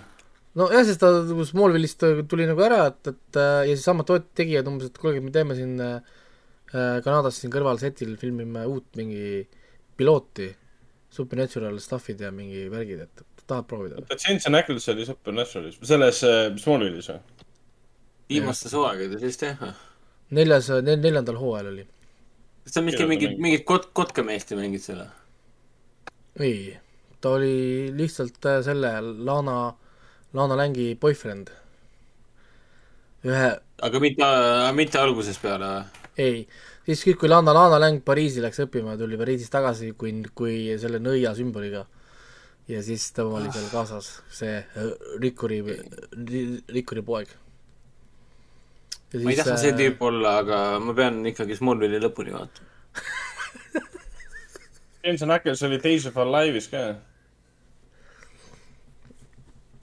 nojah, siis minul jäi, minul jäi Smallville seal pooleli, kui Clark vist äh, muutus mingisuguseks äh, pahaks tänu mingisugusele krüptoniidile või ma ei tea millele ja, ja läks suurlinna elama ja vahepeal andis sellele Lionelile seal tappa. ja rohkem ma ei mäleta midagi. igatahes äh, Clark, Clark läks suurlinna elama, seal vist jäigi pooleli. ehk siis kolmandal hooajal või? See oli kolmas hooaeg või? võimalik, mina ei tea, mina vaatasin seda vist TV3-st või ETV-st ja siis. Seda- seda-. Smallville on kümme hooaega, lihtsalt, ma lihtsalt mainin. nojah, meil jäi kuskil algusele pooleli. appi. mina olen vaadanud algusest lõpuni neli korda Smallville'i. see on see, et nüüd on mul palju rohkem aega kui ennem. ei, ma olen, ma olen Smallville'i suur fänn, nagu ma olen Puff, Puffi fänn ja sõjaprintsess Xena. Speaking of nüüd on aeg vaadata tõesti ära uuesti Xena, sest äh, lihtsalt pole nii, pole nii ammu vaadanud ja, ja nüüd mina olen nii, nii vana, kui Lucy Lawless oli selle sarja ajal. nii et mm -hmm. äh, nüüd on äh, äh, Sam Raimi uus äh, film on ju praegu kinos, nii et Xena on väga teema. aa, tema ta oli ju, tema no, vist. noorem vend on ju see ju, see Jokser ju, Jokser, see Ted Raimi. jaa, see, oli ta Ted Raimi või? igatahes jah, tema noorem vend jaa. ja kusjuures see jutlustaja X siin praegu äh, ropendas siin äh, meie, meie äh, Youtube'i vestluses. ropendas mingi kaks tundi tagasi. Äh. oota, mis ta siin oli? tal jäi äh, Supernatural äh,, jutu, jutustaja ütleb, et tal jäi Supernatural kaheteistkümnendal hooajal pooleli, arvan, et Aa, kukk oli, viisteist. oli ka, aa viisteist jah. kurat, jutlustaja jõudis nii kaugele või, meil jäi kuuendas pooleli. Aa, mina mina olen kümme vaadanud ära, mul on viimased viis, viis vaatamata. mul on The on Boys'i ikka- teine hooaeg vaatamata veel, jah. nii, ja mis ta ütleb, et nüüd, nüüd hakkas äh, vend ropendama. aa, siis Andre kirjutab, et äh, Raiko elab kindlasti kuskil teises universumis, kus päevas on rohkem kui kakskümmend neli tundi. kolmkümmend kuus miinimum. Raiko kasutab Ja- seda, seda Hermione, seda kaelakeed Harry Potteri kolmast. ja see sa saad taim, sama aega uuesti üle elada, läbi elada, et sa saaks vaadata kõik seriaalid ära. ma ei mäleta enam, mis selle asja nimi oli. mingi aja, mingi, mingi ajajulja. time, time jumper oli. ja ma mainiks juurde ka, et saate teise poole toob teieni värsked puuviljad. Ainult Selveris. nii, ainult Silveris või? jah, Selveris. kus on see John Cena meme, are you sure, are you sure about that? nii, aga Ragnar, palun äh, räägime rohkem ei sega, ei, tegelikult, tegelikult, tegelikult ma ei, tegelikult, tegelikult ma ikka segan veel, sellepärast et mul tegelikult ü- üks asi ütlemata, ma guugeldasin, mis on kõige kauem jooksnud animed nii, ja nagu ma siis äh, sain teada, siis see ei olegi One Piece. mina alguses mõtlesin, et see võiks olla ju One Piece, sest tuhat episoodi on ikkagi tuhat episoodi, see on päris suur number. aga tuleb välja, et on olemas mingisugune äh, Saes, kuidas, kuidas, kuidas, kuidas ma seda üldse hääldan, Sa-, Sasae-san, sorry, what? jah, mis on siis long, longest running anime series of all time. With over twenty five hundred episodes to date. ja läks Eestisse tuhat üheksasada kuuskümmend üheksa. ja mis mõttes to date? ta kestab, ta on endiselt eetris iga päev, iga nädal pühapäeval. aa, okei. ja, ja, ja see on selline perekeskne äh, nagu Family Guy nagu äh, Simsonid räägib ühest perest, kus on siis isa, ema äh, ja, ja viis last, vist, vist või, ma saan aru. ja, ja muud ei olegi, et see on siis äh, Saesa Fu Fuguta ja tema pere lugu. algus tuhat üheksasada kuuskümmend üheksa. jah, ja, ja lihtsalt veel, oi sorry äh,, tuleb välja, et episoodide arv oli vale, ma vaatasin valet asja, Saesae Sunil on seitse tuhat kaheksasada üks episoodi väljas. teisena, teisena kaua jooksnud animel on siis äh, kurikuulus äh, Doraemon, on kolm tuhat üheksa episoodi. siis jah, siis on äh, Ninta Amaranto on kaks tuhat kakssada kaks episoodi. ja neljandal kohal on äh, Ujaru Maru, mis on kahe tuhat kaheksasada kolmkümmend üks episoodi. ja see list äh, läheb edasi, et äh, küsimus on, kui mitmel kohal on One Piece ja One Piece oma tuhandega on alles üheksateistkümnendal kohal. isegi Detective Conan on möödas, sest Detective Conanil on tuhat nelikümmend kolm episoodi. One Piece nagu tõmba, tõmba, tõmba, tõmba, tõmba, tõmba kokku ennast, et on mis mõttes nagu, et tähendab, võta kokku ennast, sest sorry noh, nagu, et iga kuradi anime on sul kauem, kauem, kauem kestnud, ma vaatan siin. Pokemonil on tuhat ükssada üheksakümmend kuus episoodi. Isegi Pokemonist pole, pole mööda läinud. Transformersitel on tuhat ükssada üheksakümmend üheksa episoodi. nagu uskumatu lihtsalt, Yugi-Hall, Yugi-Oh on tuhat ükssada, ükssada kümme episoodi. nagu sest see Yu-Gi-Oh kestis nii pikalt või? ma juba, ma ju vaatasin seda ei, nad, need kõik kestavad, ma lihtsalt mainin, et Yu-Gi-Oh kestab, Transformers kestab, Crayon Shin-chan kestab, Detective Conan kestab, One Piece kestab, Pokemon kestab ähm,, isegi Chimari, issand, isegi Chimajiro kestab või? vaatasin, kui ma olin laps, seal on tuhat nelisada kolm episoodi väljas. Yu-Gi-Oh-l on nii palju seriaale tulnud vahepeal. no selles mõttes, et ma ennem, kui uurisin, ma tahan mõnda pikka animet ja mida ma pole näinud, ma pole, ma pole näinud, näinud näiteks sedasama, seda Ojarumaru ma pole näinud, ma võiks hakata seda vaatama, ainult tuhat kaheksasada kakskümmend seitse episoodi. Ja see veel, ja veel kestab ka. issand, kui haige. noh, samas, mis on läbi, tahate või, palun väga, üks on isegi läbi siit.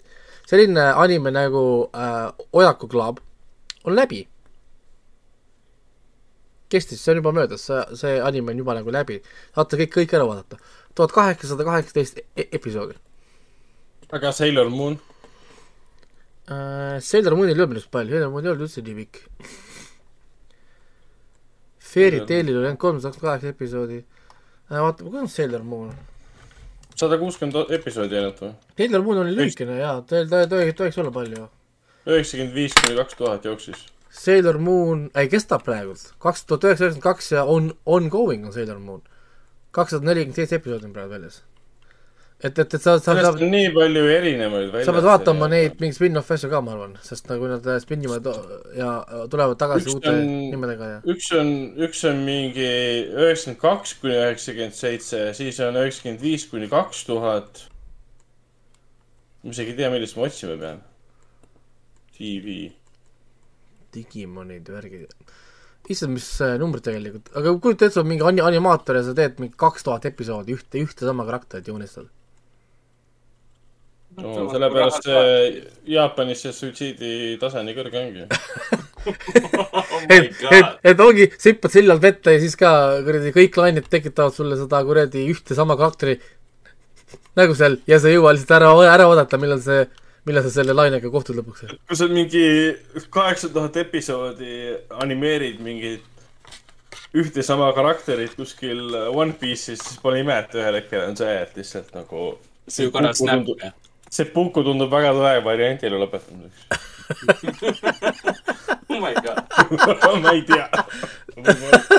päris tume, see on päris okei tume veel. see läks päris tume, see läks tumedaks ära, nii, nii et sellega, sellega saabki nüüd äh, Ragnar rahulikult minna edasi ja, ja liigume nüüd lihtsalt- äh, oma uh, we are going back to our regular program, so ei, selle peab äh, eraldi sisse, sisu korras eraldi välja tooma, kus me räägime pikimatest. Ragnar, Ragnar räägib, ei, see, see, ei ole pikem see seriaalid, vaid Ragnar räägib Seppuku. Seppukust ja siis aga kuna see on kulminatsioon, siis on vaja konteksti ka teada vaja, siis see, puhku osa lähebki alates sellest hetkest, kui me hakkame rääkima pikematest nii seriaalidest., küsimus, kas seppuku Nii. või harakiri?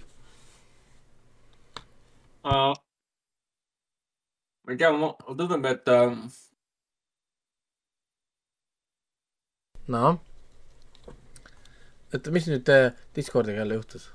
ok, see puhkus ära kiri. äkki ta läks, läks ja tegi kiri. Discord tuleb kohe tagasi, sest mingi error oli Läks jälle. proovima. Reiko, kas sa läksid proovima või? ei, Discord, kumb parem on või? Discord otsustas, et äh, ei ole vaja.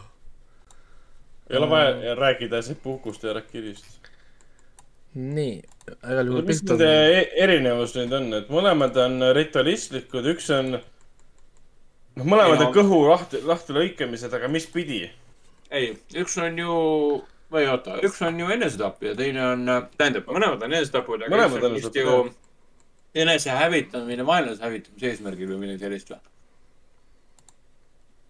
et see puhku peaks olema, et sa tõmbad äh, vasakult paremale või siis vasakult parema üle- üles-alla. ja Harakiri,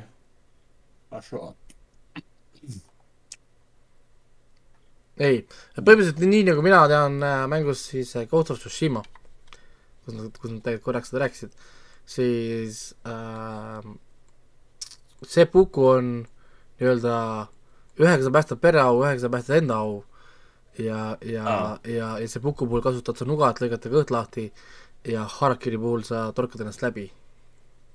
aa, see on täiesti läbitorkamine, jah. see puhku on oma kõhu lahti tõmbamine, puruks tõmbamine ja Harakiri on see, et sa lased ennast läbi.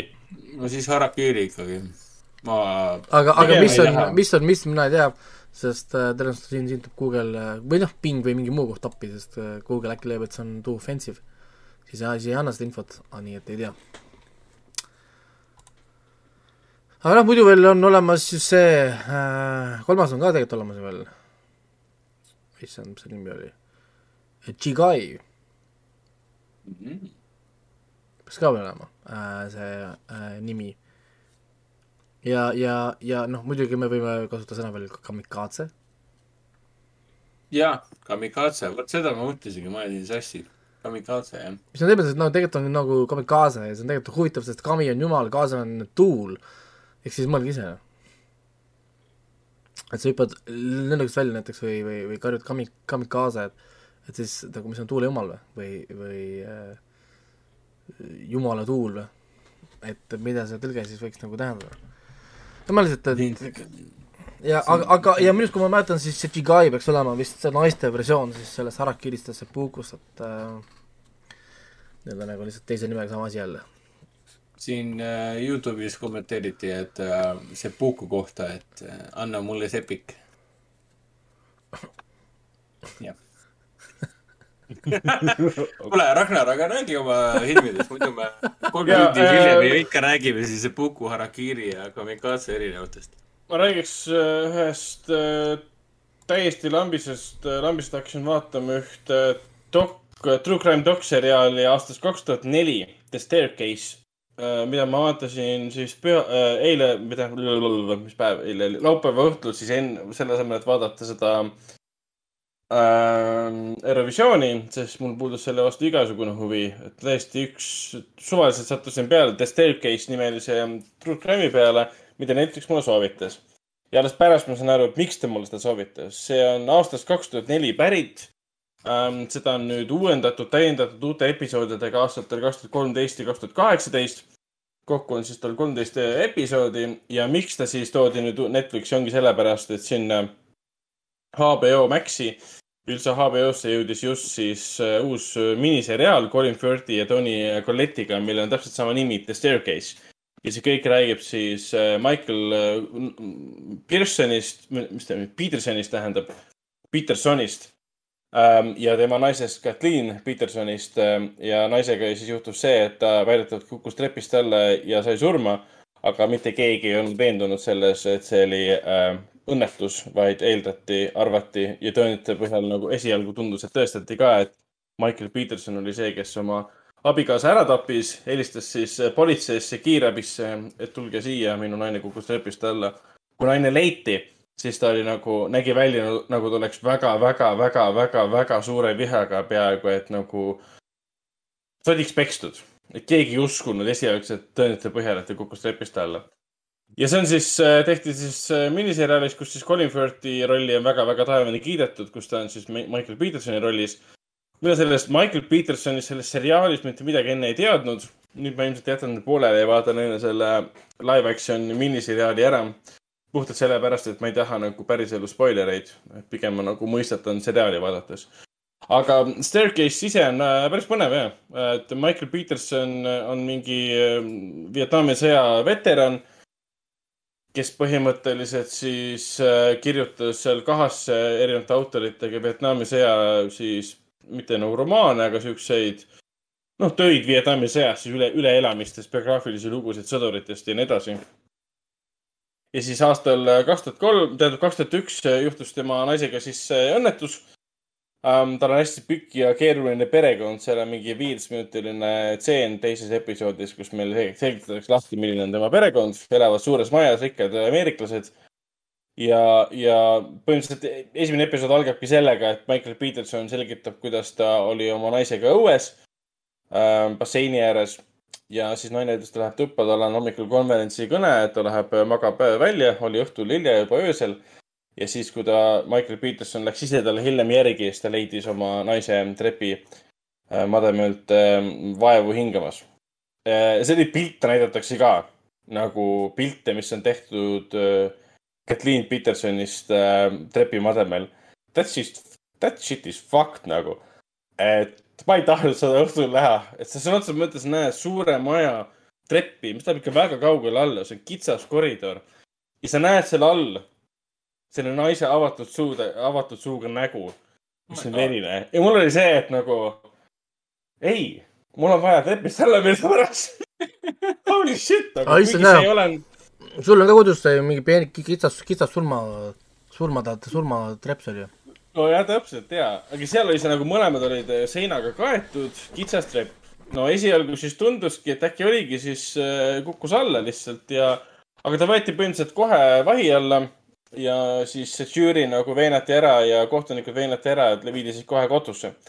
ja süüdistatigi äh, riigi poolt siis State versus Peterson, süüdistatigi tema naise siis tapmises.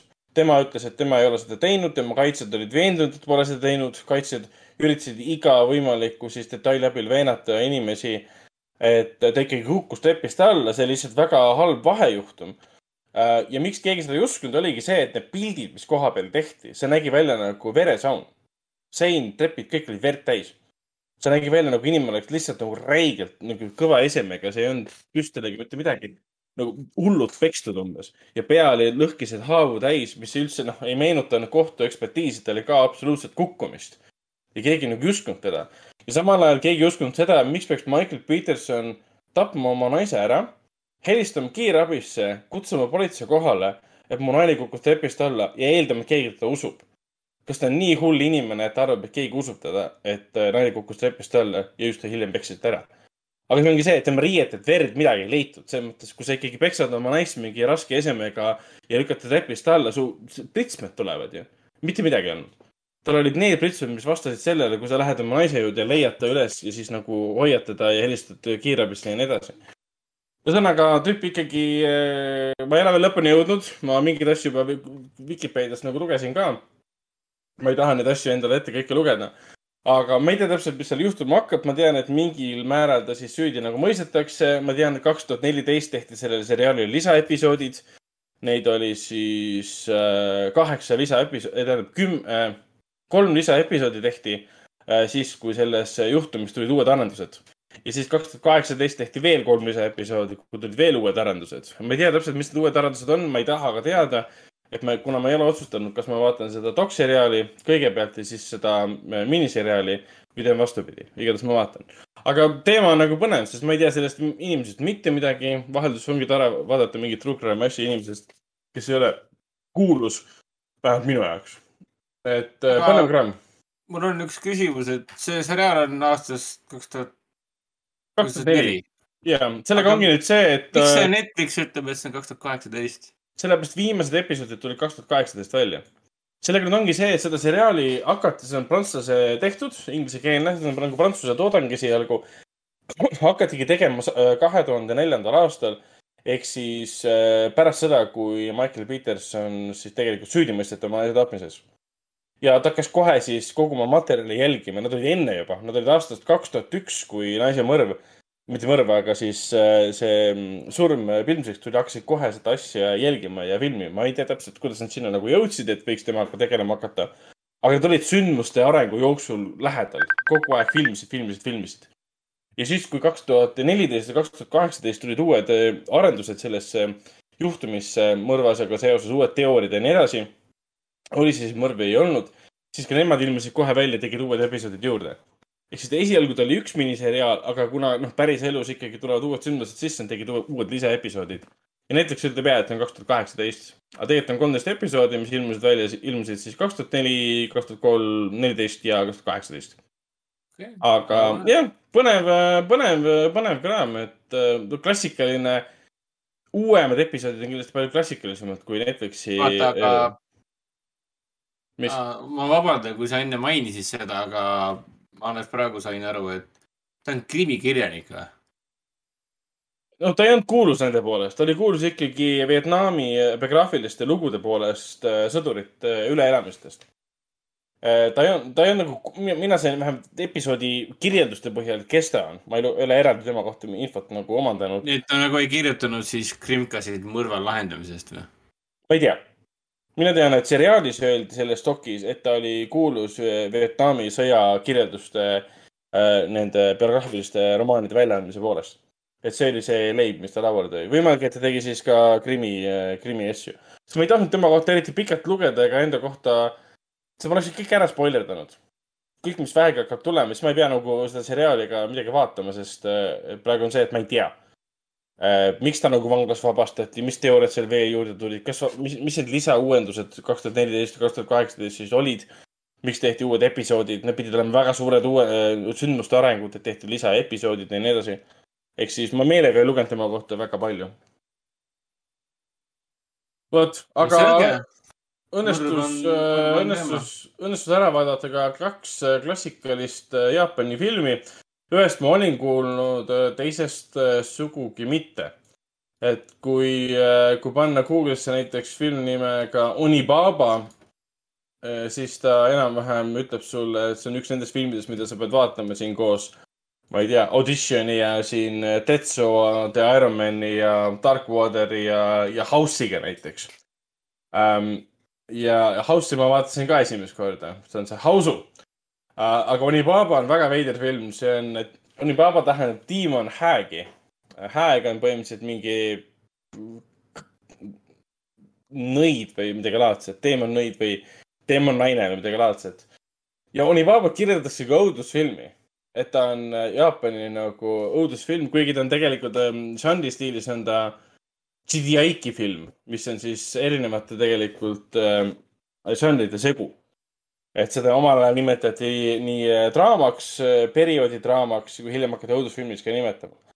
no ta on perioodidraama, mina teda õudu, õudukana kindlasti ei vaataks, kuigi siin on õudusfilmi elemendid täiesti olemas.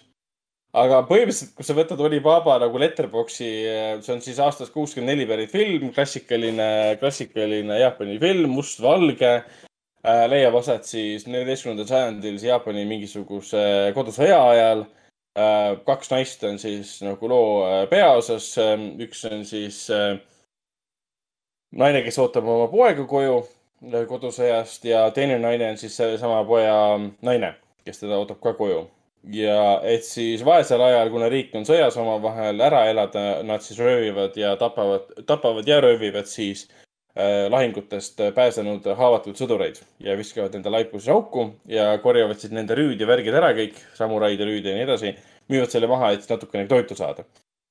ja, ja ootavad siis oma, ootavad siis oma poega koju, kes kunagi tagasi põhimõtteliselt ei tulegi, aga ilmub välja hoopis selle poja sõber, kes siis kirjeldab väga põhjalikult, kuidas ta siis lahingust pääses ja sõber siis suri talupoegade süü tõttu, sest nemad olid siis noh, röövlitena põhimõtteliselt ära üritanud elada, kui nad rändasid koju, käisid vilja varastamas ja talupojad olid nad siis ümber piiranud ja sõbra ära tapnud. ja siis muidugi naised ei ole temaga üldse rahul, et sa oled mingi argpüks, et kuidas üldse koju tulid niimoodi. sõber suri ära, minu, minu poeg, minu abikaasa suri ära. aga siis võtab film väga kummalised tuurid, sellepärast et see, see poja siis naine, kes teda koju ootas, seal rõhutatakse, et ootas teda hästi pikalt koju. ja siis toimub selline hästi kummaline nii-öelda nagu armumine. et see, see naine nagu armub sellesse tüüpi, mis ta nimi oli, Hadži Äh, kes siis sõjast tagasi tuleb ja see ei ole nagu arvamine kui selline, et ähm, oh, sa oled ilus mees ja umbes niimoodi. ei, naine hakkab lihtsalt lampi ähm, igal öösel. jällegi, nad elavad kuskil hütis põhimõtteliselt, mis on tehtud kõrtest äh,. ja elab seal koos selle, siis selle äh, poja siis äh, emaga, kes on sihuke karm mutt. hästi lahedalt filmitud. ja siis, äh, siis poja, surnud poja siis abikaasa, naine hakkab siis iga öösel äh, nagu pöörane jooksma läbi selle, selle soo, läbi selle kõrte soo siis mehe juurde, et lihtsalt temaga seksida.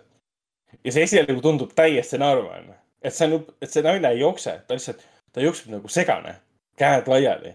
ja see on nagu, kui sa lähed Letterboxi ja hakkad lugema arvustusi, siis kõik ütlevad, et mingi uh, et lihtsalt see naine ei suutnud äh, lihtsalt Hachi mingit tikki ära oodata, et mida ma nagu vaatasin praegu. hästi kummaline film, kust see õudus tuleb sisse? seda ma alguses aru ei saanud, see tuleb alles viimase mingi viieteistkümne minuti jooksul sisse. ja esimesed tund aega möödus väga aeglaselt, sest see lugu oli hästi kummaline, tempo oli väga aeglane, kuigi ta näeb väga hea välja. mustvalgelt üles võetuna, väga teatraalselt üles võetuna, sest äh, seal on mustvalged stseenid öösel, kus ilmselgelt nad pidid valgust kasutama millel pole tegelikku allikat. et valgust oli väga sihipäraselt kasutatud, kuigi noh, see oli teatraalsetel eesmärkidel. umbes, et kuidas sa näitad tegelast äh, kõrte meres öösel, kui pole ühtegi teist valgusallikat, sa lihtsalt paned talle valguse peale ja põhjendad seda kuidagi dramaturgiliselt. Ja siis hakkabki see, see surnud poja siis äh, naine lihtsalt hakkab igal öösel minema siis, äh, siis Hatsi juurde Aitsi, kes on mingi täiesti näruse väljanägemisega tüüp, veedab aega mingi järvest või sellest jõest siis kalu püües. täiesti hale vend, et üldse no, ei saa aru, mis toimub, et kas siin on mingi nõidus peal või mis toimub. ja siis selle poja muidugi ema pole asjaga üldse rahul.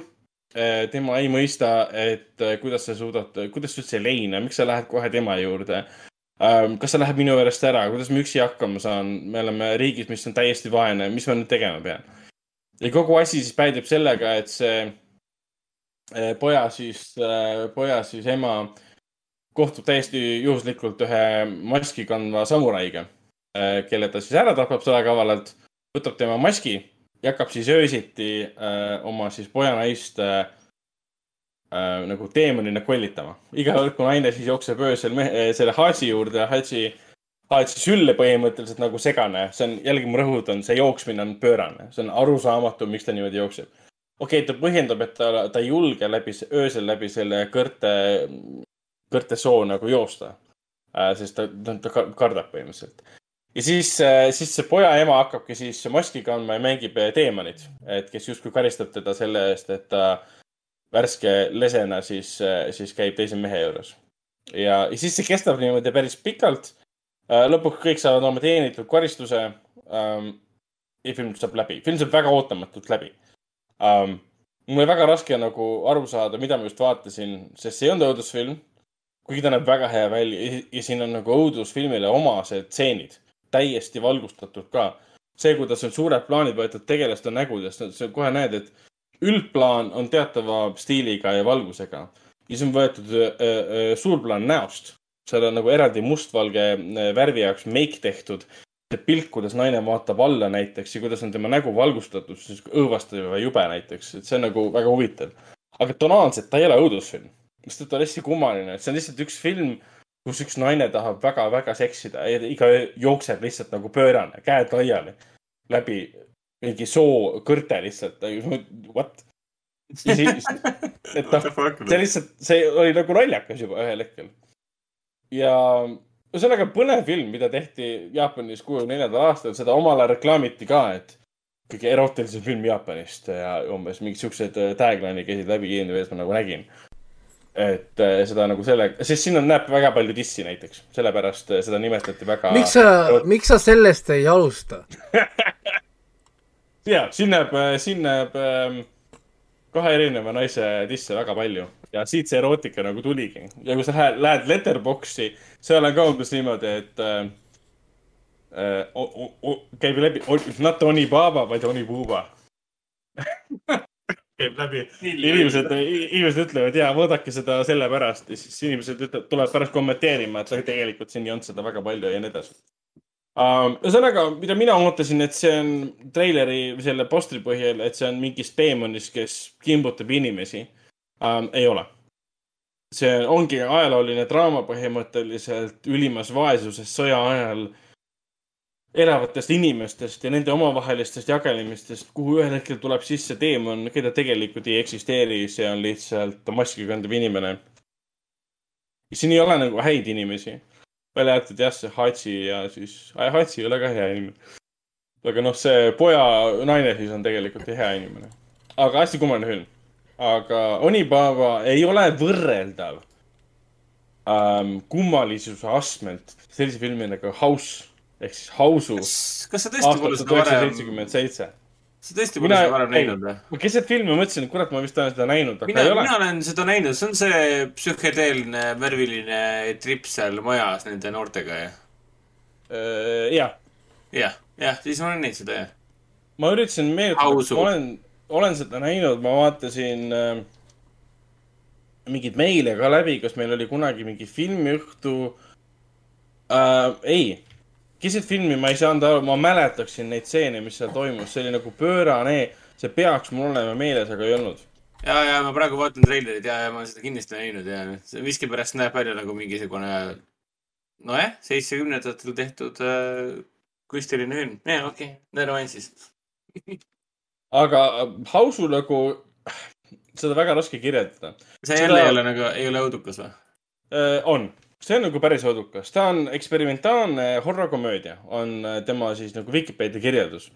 aga ta on äh, väga, kuidas nüüd öelda, ta on väga Sam Raimi vaibi, vaimis, vaimus film. mis tähendab seda, et kuna ta oli seitsekümmend seitse välja, siis noor Sam Raimi oli ilmselgelt selle filmi fänn, kui ta hakkas tegema Evil Dead'e. sest see film on perfektne segu täiesti jaburast komöödiast läbi horrori siin on body horror, siin on äh, peade mahavõtmine, siin on jäsemed räägivad, mis iganes. asjad lendavad, veri, samal ajal see komöödia, siin on draama, siin on mingi naeruväärsed hetked, see on täpselt nagu Evil Dead kaks väga,. väga-väga sarnane Evil Dead kahele. ja ma olen täiesti veendunud, et Sam Raimi on seda filmi näinud ja ta on selle filmiga fänn. mis noh, pole üldse imestatav, sest ta on üks äh, noh, päris mõjukas, äh, mis puudutab siis äh, horror-filme ja filmina ta on, ta on uskumatult värviline. ehk siis millest see lugu räägib? lugu räägib siis äh, neiudest, kellel on hästi kummalised nimed äh,. siin oli näiteks äh,, tegelased olid näiteks Gorgius, siis on Kung Fu. Gorgius on tegelase nimi sellepärast, et ta on ilus. Kung Fu on tegelase äh. nimi sellepärast, et ta mängib, lööb, kasutab Kung Fu'd. okei okay,, siin on, on uh, big, big brain time. jaa, see on professor, tegelase nimi on professor, ta on tüdruk, kes kannab prille ja teab asju siis on fantasy, sellest ma aru ei saanud, et tal on vist hea fantaasia või midagi. siis on Mac, sest ta on väidetavalt nii-öelda paks ja sööb äh, palju, ehk siis nagu vihje McDonaldsile. siis on Sweet, sest ta on tore tüdruk, siis on Melody. McDonalds on nii vana frantsiis juba või? jaa, see oli mingi sõja ajal juba, ei olnud või? ma ei tea, pole aastaid käinud ju. sa pole The Founderit vaadanud või? ilmselgelt mitte, jah. nii, McDonalds McDonalds sai alguse tuhat üheksasada nelikümmend. kuidas saate pikkust pikendada? guugeldame, millal sai alguse McDonalds Raika mingi oh,, mu kanad ootavad mind Yes, my ah, chickens ah. Yes, aga, aga, aga, aga ploti, ploti kohta siis veel, et siin on jah, need äh, kari tüdrukuid äh, saavad siis võimaluse minna suvel äh, puhkama ja see puhkus on siis äh, ühe tüdruku siis äh, tädi majas, äh, kus kogu see sündmustik hakkab siis aset leidma. ja sündmustik, mis see siis tähendab, see on, ühelt poolt on maja horror, mis tähendab seda, et selles majas ilmselgelt pole kõik korras.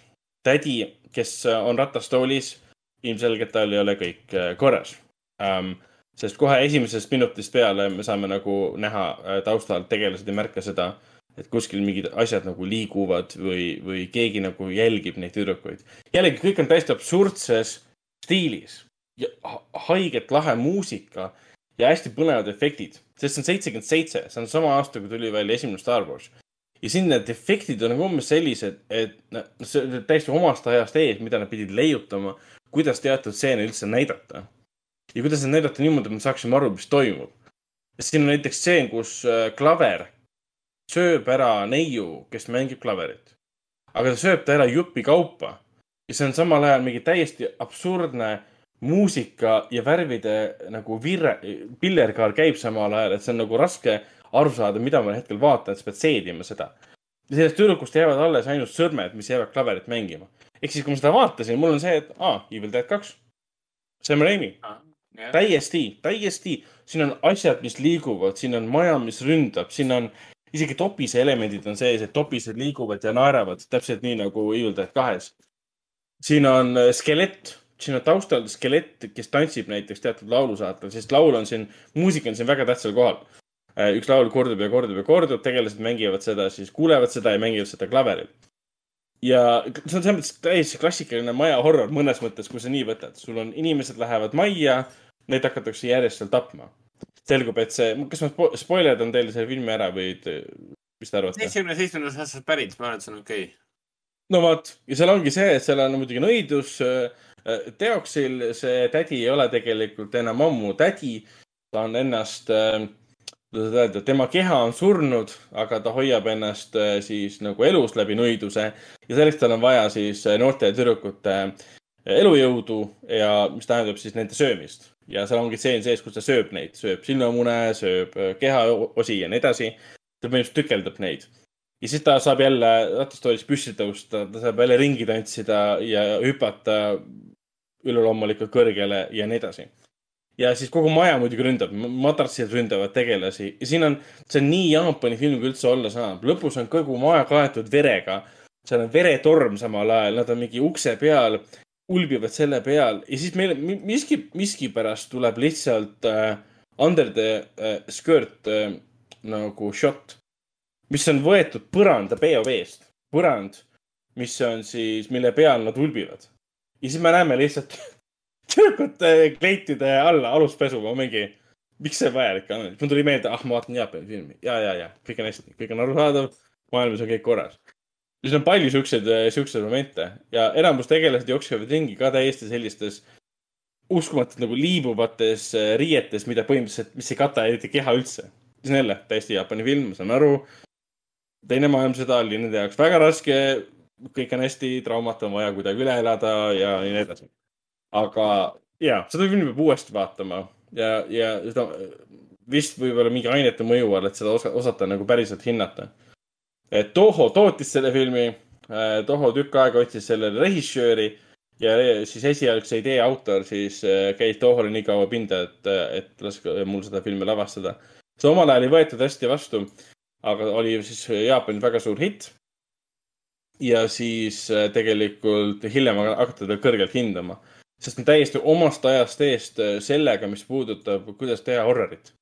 sa võtta klassikalise ploti, mida on korduvalt tehtud ja piisab sellest, et sa oled teises riigis näiteks, teine kultuuriruum, teine nägemus õudusest, komöödiast, kõigi selle nagu kombinatsioonist et seda filmi oli väga-väga raske nagu tõsiselt võtta ja teiselt poolt oli seda väga raske nagu vaadata. sest sa lihtsalt ühel hetkel tahtsid nagu pausile panna ja läbi arutada, mida ma just vaatasin, et kuidas neid efekte tehti toona. see on ikka täitsa, täitsa hämmastav film. Ja see kass on siin jah põhiteema, et kass on see maagia, maagia alus sellele tädile. ja see hausukass ühel hetkel siin on selles mõttes stseen sees, kus äh, kass äh, jookseb mööda klaverit ja mängib klaverit põhimõtteliselt äh, laulusaatel. ja see on tehtud umbes niimoodi, et kaadrit on edasi-tagasi keritud ähm,. mis oli ka täiesti naeruväärne. Ühesõnaga soovitan vaadata, kes vähegi oskavad. ma praegu vaatan neid, neid stseene Youtube'ist, seda klaveri söömise stseeni, see valguse efektid ja asjad. ja see on mingi uskumatult keeruline, mingi rotoskoopik, mida tehti seitsekümmend seitse. siin on tseen ka, kus naine vaatab peeglisse ja tema siis peegelpilt muutub ja hakkab liikuma. see on arusaadav, okei okay,, trikk saab teha. Ja siis nai-, naise kehakuju lõigatakse nagu seest ära ja sinna pannakse tuli asemele. ehk siis naine on justkui peegli ees ja põleb, aga ta põleb seestpoolt. ja ta on nii palju vaeva näinud ka, et seal on mingisugune valgus, valgusefekt pandud taustale ka, et natuke on näha mööbli peal äh, seda valguse liikumist. see on palju siukseid väga leidlikke asju. ja, ja aga need klipid, mis ma vaatan, on ikka sorry, see võiks olla tõesti mingi Evil Deadi spin-off. täielik ja see on, see, see film, see võiks, ma, ma ei tea, kas ta on olnud HÖFFil, aga täielik HÖFFi film muidugi. ma arvan, et on olnud küll olnud, tundub, näeb, näeb küll niimoodi välja, et see on nagu kohustuslik film. ta näeb välja nagu HÖFFi film jah, selles mõttes, et puhas.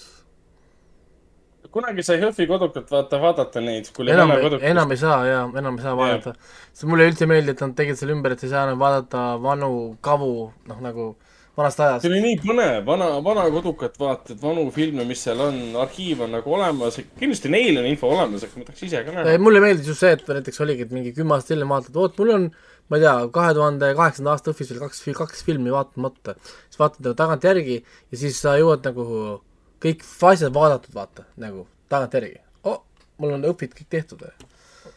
aga, aga enam ei saa, aga tegelikult nüüd oleks aeg liikuda kinofilmide juurde, sest meil on ke- kellaaeg seljas. Üks, üks, üks Youtube'i küsimus tuli ka, AVP seitsekümmend viis küsib, et kuidas sa selle filmi otsa sattusid, selle Hausu otsa? kuidas ma sattusin Onibabaga, Onibabaga seoses. kui sa paned Onibaba Google'isse. oota, ma vaatan, kuidas ma teda guugeldasin. Siin mingi, mingi seos siin oli, ma ei mäleta, aga Google kuidagi viskas ette Onibabaga seoses, praegu ta ei, ei tee seda miskipärast. viskas ette nimekirja Jaapani horrorist ja sealhulgas oli Hausu ka aga praegu ta miskipärast niipidi ei tööta. jälle Google töötab siis, kui ma ta, ei taha, et ta töötab, aga praegu ei, ei viska ja. põhimõtteliselt ei jää mingit seoseid, kas see oli läbi IMDB ja nii edasi. okei, nii. okei, aga lähme edasi kino, kinofilmide juurde. räägime kinofilmidest, filmidest, mis alustasid äh, Foorum Cinemas äh, kinodes kolmeteistkümnendal mail.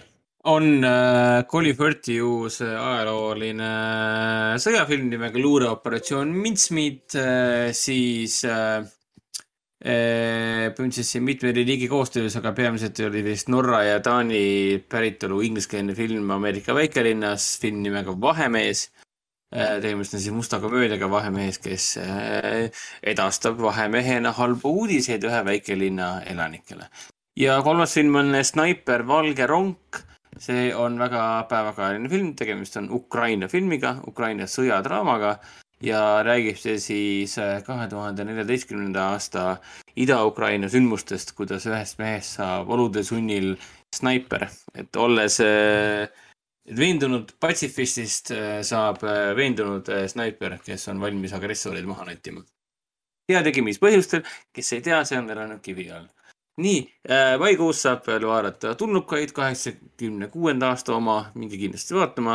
Ja alates maikuust saab vaadata alates kahekümnendast maist saab vaadata siis nagu mitu korda oleme maininud, siis Sushitsu Kaisen Zero filmi ehk siis seriaali eellugu tuleb siis näitamisele alates kahekümnendast maist kõikides, kõikides Plaza's alates kahekümnendast maist. Sentbumis siis kahekümne viiendal. siin ei tegelikult oli mainimata, et House on vaadatav HBO Maxis muidu. ja, House ja Onibaba mõlemad on äh, HBO Maxis. ah.. huvitav, kas ta võib Telia tv-s ka siis olla? nii, aga Ragnar, räägi sa nii kaua, mis veel meid ees ootab.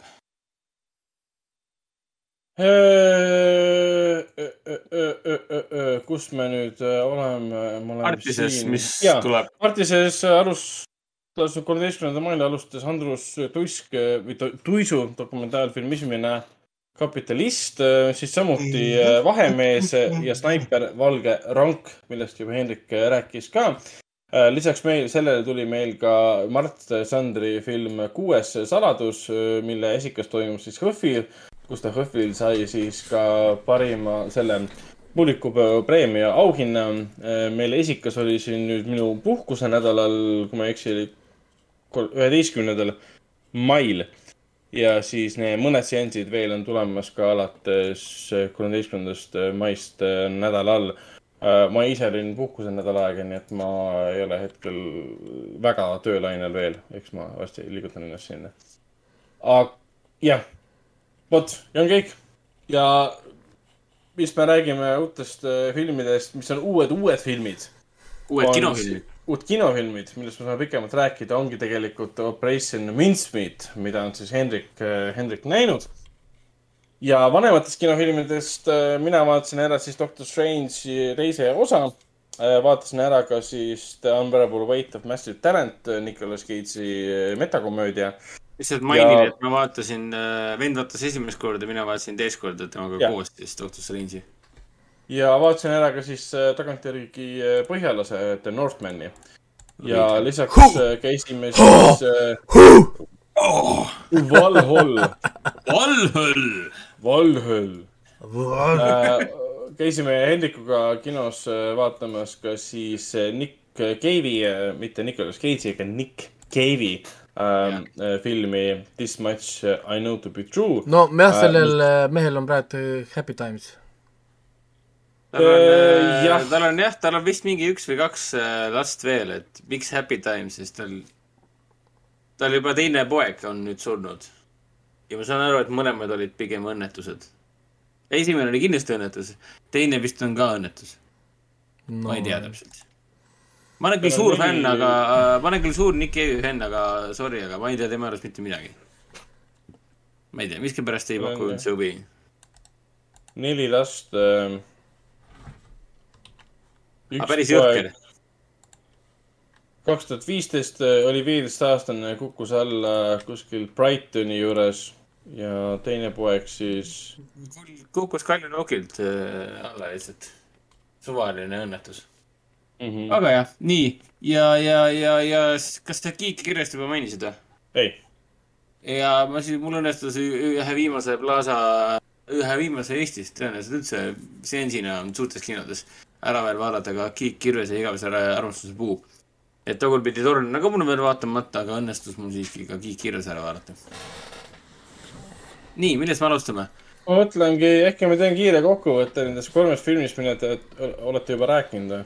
No alustame Massive Talent. Davai, davai, Jah. ja äh,, mis on üüratu talendi talumatu Talumatu taak. taak. seda ma käisin vaatamas, kusjuures äh, sinnamaani kinos T1-s.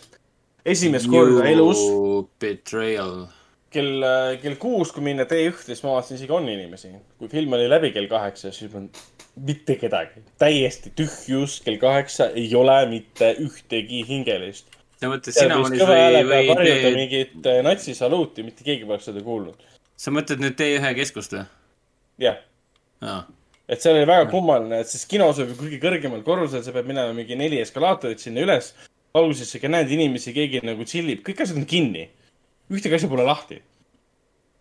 kell kuus oli umbes niimoodi, et äh, kogu see pikad-pikad koridorid olid nende katetega kaetud, kus oli kirjas, et T1 uueneb, ma mingi ei uuene. Ja päris kurb oli. ei no tee, tee üks palju- sai uued investeeringud, ole positiivne. no jaa, aga see ole koroona positiivne. ta on palju ägedam hoone, seda ma olin juba, aga ta on palju ägedam hoone, ägedam hoone kui see kuradi ähm, Ülemiste keskus. et on huvitavalt äh, projitseeritud hoone tegelikult, projekteeritud hoone, kuidas ta nagu välja näeb, kuidas ta on kujundatud, sa saad aru, kuidas sa liigud, mis suunas sa liigud. Ülemiste keskuses ma lihtsalt, kui ma, kui ma esimest korda sinna läheksin, siis ma umbes niimoodi, et kus ma olen, miks ma siin olen, mis suunas ma pean minema. midagi aru, sa pead lugema mingeid tekste kuskilt, ahah, mina olen siin. varsti peab mingi kepsi välja võtma, et aru saada, aga sellest E1 hoonest sa saad kogu aeg aru, kus sa oled, mis sa viibid ja nii edasi. aga igatahes hoone, hoone hooneks, aga kino mulle meeldis. see, kuidas see kino on üles ehitatud, seda ma ei teadnud, et nad muutsid oota, sa pole varem käinud seal või? ei, täiesti esimest korda. Et ma tean seda ka, et nad muutsid selle mm, IMAX-i saali nime, panid kosmosesaal. sest kui sa kodukale lähed ja valid filme, siis ta näitab Jaa, sulle on kosmosesaali, mis kosmosesaal, on T- T1-s. mis on väga segadust tekitav, et mina ostan pileti, siis ma lähen kosmosesse. sellega meil oli ühe korra ka, nii et ma pidin tegema äh, filmi sissejuhatust ja mälumängu. ja siis Jah. ta ütleb mulle jaa, et me oleme kosmoses. jah, kosmosesaalis. mina siis äh, lähen, lähen kosmosesse, küsin sealt selle kosmosejuhataja käest, kuule, et kus teil see event värgid on, sest ma ei näe kedagi siin. T1-s, ma ütlesin, ei, see pidi olema kosmoses. jaa, see on T1-s kosmosesaalis. noh, käige pekki, noh. mina, mina seda ka ei teadnud, ma olen esialgu väga segaduses kodukal käies. Aga kino, selles mõttes see Foyer osa, kus sa saad süüa osta, see näeb nii basic välja nagu igas teises kinos. ostad mingi oma nänni ja värki ja nii edasi, kõik on iseteeninduskassad ja nii edasi um,. küll aga lahe, lahe see, kui sa lähed pärast neid turvaväravaid. nii palju ruumi on seal liikumiseks. seal on need lauad järjest, kus sa olla, seal on piljardilaud seal on nurgatagused mingid raamatu lugemisruumid, kus olid mõned ajakirjad, mis oli nagu false advertising to the max. Ja seal olid nagu nurgakohad, kus sa saad istuda, täiesti nagu eralduses teistest. ja see, see ruumi kasutus mulle meeldis. seal on nagu palju ruumi, kus sa saad liikuda, see ei ole nagu kitsas koridoris, nagu siin mõnes kinos on. Solaris Apollos näiteks, mul on kogu aeg sihuke tunne, et äh, keegi astub mulle selga lihtsalt, sest seal pole kunagi ruumi, kui seal on liiga palju rahvast koos. aga. see on hea, see on, noh, need sa oled saalist välja ja siis tahad sisse minna kõrvalsaali, siis on mingi äh, kes kuhu kurat see minema peab, et kuidagi nagu punt, punternuss on nii-öelda. et seal on nagu piisavalt ruumi ja jah, siis need, mina olin saal kolmes, mis on siuke väiksem saal, mingi sada vist, mis iganes kohta seal oli. toolid on hästi suured, laiad, hästi mõnusad, jalavahe on tohutult suur. kinoekraan oli nagu kinoekraan ikka, heli oli täitsa tavaline selles mõttes um,. kogu see jää mind häiris mingisugune valge sihuke täpp, helendav täpp, mis vilkus, mis on mingi turva, turvatäpp või mis iganes. aga lihtsalt püha jumal, lihtsalt vaatad filmi, tüüd käib kogu aeg. kui ühe korra märkad, sa ei jäägi seda märkama. aga ühesõnaga film, filmist ka äh, väga hea. ühesõnaga üüratu talendi talumatu taak Nicolas Cage'i metanarratiivika komöödia. mulle väga meeldis. Ähm, see film väärib kõike seda kiitust, mis ta on saanud ainuke, ainuke võib-olla selline kriitika, mida sellele filmile võiksin öelda, ongi see, et äh, et kui Nicolas Cage'i selles filmis ei oleks või kui Nicolas, jah, kui Nicolas Cage'i filmis ei oleks, siis kõige tavalisem võimalik action komöödia, mis kunagi tehtud. Äh, seda filmi ülendab ja muudab heaks ainult Nicolas Cage'i olemasolu. mis on ka loogiline, see ongi tehtud tema, tema nagu ümber. aga ma natuke olin võib-olla pettunud, et see lugu muutus nii äh, Basic uks. Basic uks, jah. ja lõpuks ta oli ikka nii basic ikka, kui sai olla no.. täpselt, kuigi nad kommenteerivad seda ka korduvalt seal, et nad hakkavad kirjutama seda stsenaariumit omavahel, äh, mis on niisugune character driven äh, draama põhimõtteliselt äh, ja ühel hetkel nad otsustavad siis erinevate asjaolude sunnil, et sinna vaja action'it juurde panna, röövimist ja nii edasi, et siin oleks midagi kõigile. et siis nagu, nagu filmi sees seda stsenaariumit kirjutades nad kommenteerivad seda, milliseks muutub see film ise ka, kus nad parasjagu on, sest sellest tehakse ka hiljem film, mida me lõpus näeme. aga ikkagi see nagu ei aidanud päästa seda, et äh, lugu oli väga basic. et Nicolas Cage läheb kuskile, satub sündmuste keskele, keegi pole see, kes ta tegelikult nagu, kellena ta tegelikult nagu tundub ja nii edasi. pahad pole pahad, head pole head ja nii edasi. et see oli väga tavaline, aga kogu see komöödia, mis puudutab Nicolas Cage'i nagu rolli et äh, kus ta oma elus on parasjagu, kuidas ta oma tööd näeb, millised suhted tema naise ja lapsega, suhted fänn, fännidega, Pedro Pascal on lihtsalt geniaalne lihtsalt, ta, ta lihtsalt suudab mängida iga rolli, mulle tundub välja, on see mingisugune äh, Mandalorian või on see mingisugune see noh. müügimees Wonder Womanist. jah, äh, või siis see noh pagana filmid, noh, Kingsmani filmid, kus ta mängis seda Texase, Texase venda Lassoga, kõik tal tuleb väga hästi välja. või siis ta oli, ta oli selles ka, ta Callsis ja ta oli üks helistajatest seal. ja, ja täpselt, täpselt. ja ma ei oodanud ka, et, et see film on nii äh, nagu see bromance muutub nii nagu, mis, ma ei tea, mis on see ilus eestikeelne sõna, aga nagu wholesome'iks. film oli väga wholesome ühel hetkel et see nende, nende pro, pro, pro, bromance, armastus nende kahe karakteri vahel, Cage ja siis Pascal äh,, oli nii tore. kuidas nad täiendasid üksteist, üks otsib ühte asja oma elus, teine otsib teist asja oma elus, mõlemad on mõnes mõttes vangis äh,. ja nad mõlemad, mõlemad nagu päästsid üksteist oma, omast olukorrast. ja kuigi filmi jah, suurim väärtus siiski on see, et mis, kuidas Nicolas Cage pidi iseennast mängima ta pidi justkui mängima ja ta on öelnud ka, et see on tema kõige keerulisem roll. et justkui pidi mängima siis enda sellist meemi meemitatud versiooni sest olgugi, et ta päriselus on ka teinud hullumeelseid asju, abiellunud oma mingi juuksuriga, järgmisel päeval temast lahutanud ja ostnud mingi mitmekümne tuhande dollari eest mõttetud asju äh,. võlgu jäänud ja teinud hullu, hullupära filme, et sellepärast, võlgi kinni maksta ja nii edasi. Aga ta ikkagi mängis veits seda versiooni iseendast, mida meie teame lugedes, olles internetis. ja mis tähendab, et te pidite tutvuma sellega, mida internet on, mis, mis pildi on internet kujundanud temast ja selle põhjal nagu näitlema iseennast ja see oli nagu ta, väga ta teeb, tegi teeb ka ju neid uh, going undercover ja siis ta ise vastab iseendana mingi Redditites ja Youtube ides ja Facebookides yeah. ja ma ei tea, asjades yeah.. Yeah. ma olen vaadanud neid osasid videosid ja siis tal paneb seal ka head, head kommentaarid, et miks need on nii, nagu on. jah et ta on nagu väga äge film, mida saabki teha põhimõtteliselt sellises näitluses nagu on Cage ega sa ei saa võtta mingit Aleksander, Aleksander Skarsgardi ja temast teha sellist filmi, see, lihtsalt ei ole selline inimene ega näitleja. sa saad võib-olla Bruce Williseks saaks teha sellise filmi või äh, äh, või ma ei tea, isegi Denzel Washingtonist ma ei tea, minu arust äh, mingi Steve, mille peale mõtlesin, Steven Seagali peale mõtlesin. Steven Seagalist saaks ka mingil määral, jaa, täpselt, jaa. ja siin on, noh, ma ei tea, Jim Carrey'st saaks teha näiteks või äh, tuntud legendaar-, legendaarsed action näitlejatest, äh, Russell Crowe'st saaks isegi teha, aga see ei, see ei saa olla nagu tõsine draamanäitleja, see peab olema ikka väga-väga erinevaid filme teinud, äh, teinud inimene. Ja väga hea komöödiafilm, väga hea draamafilm, eriti noh, suur kummardus muidugi Nicolas Cage'i äh, fännidele ja tema, tema isikule, et kui veel ei ole näinud, soovitan kindlasti vaatama minna, et see on tõsiselt, tõsiselt hea film. ja no nii, mis on sul järgmine film? Äh, põhjalane, The Northman ah,. Äh, selle jaoks on vaja meil äh, luua atmosfäär, mille jaoks äh, tuleb panna tööle stream, mis mul seal on? tausta, taustumuusika, jah. See on sealt lõpust, jah. lõpulahing.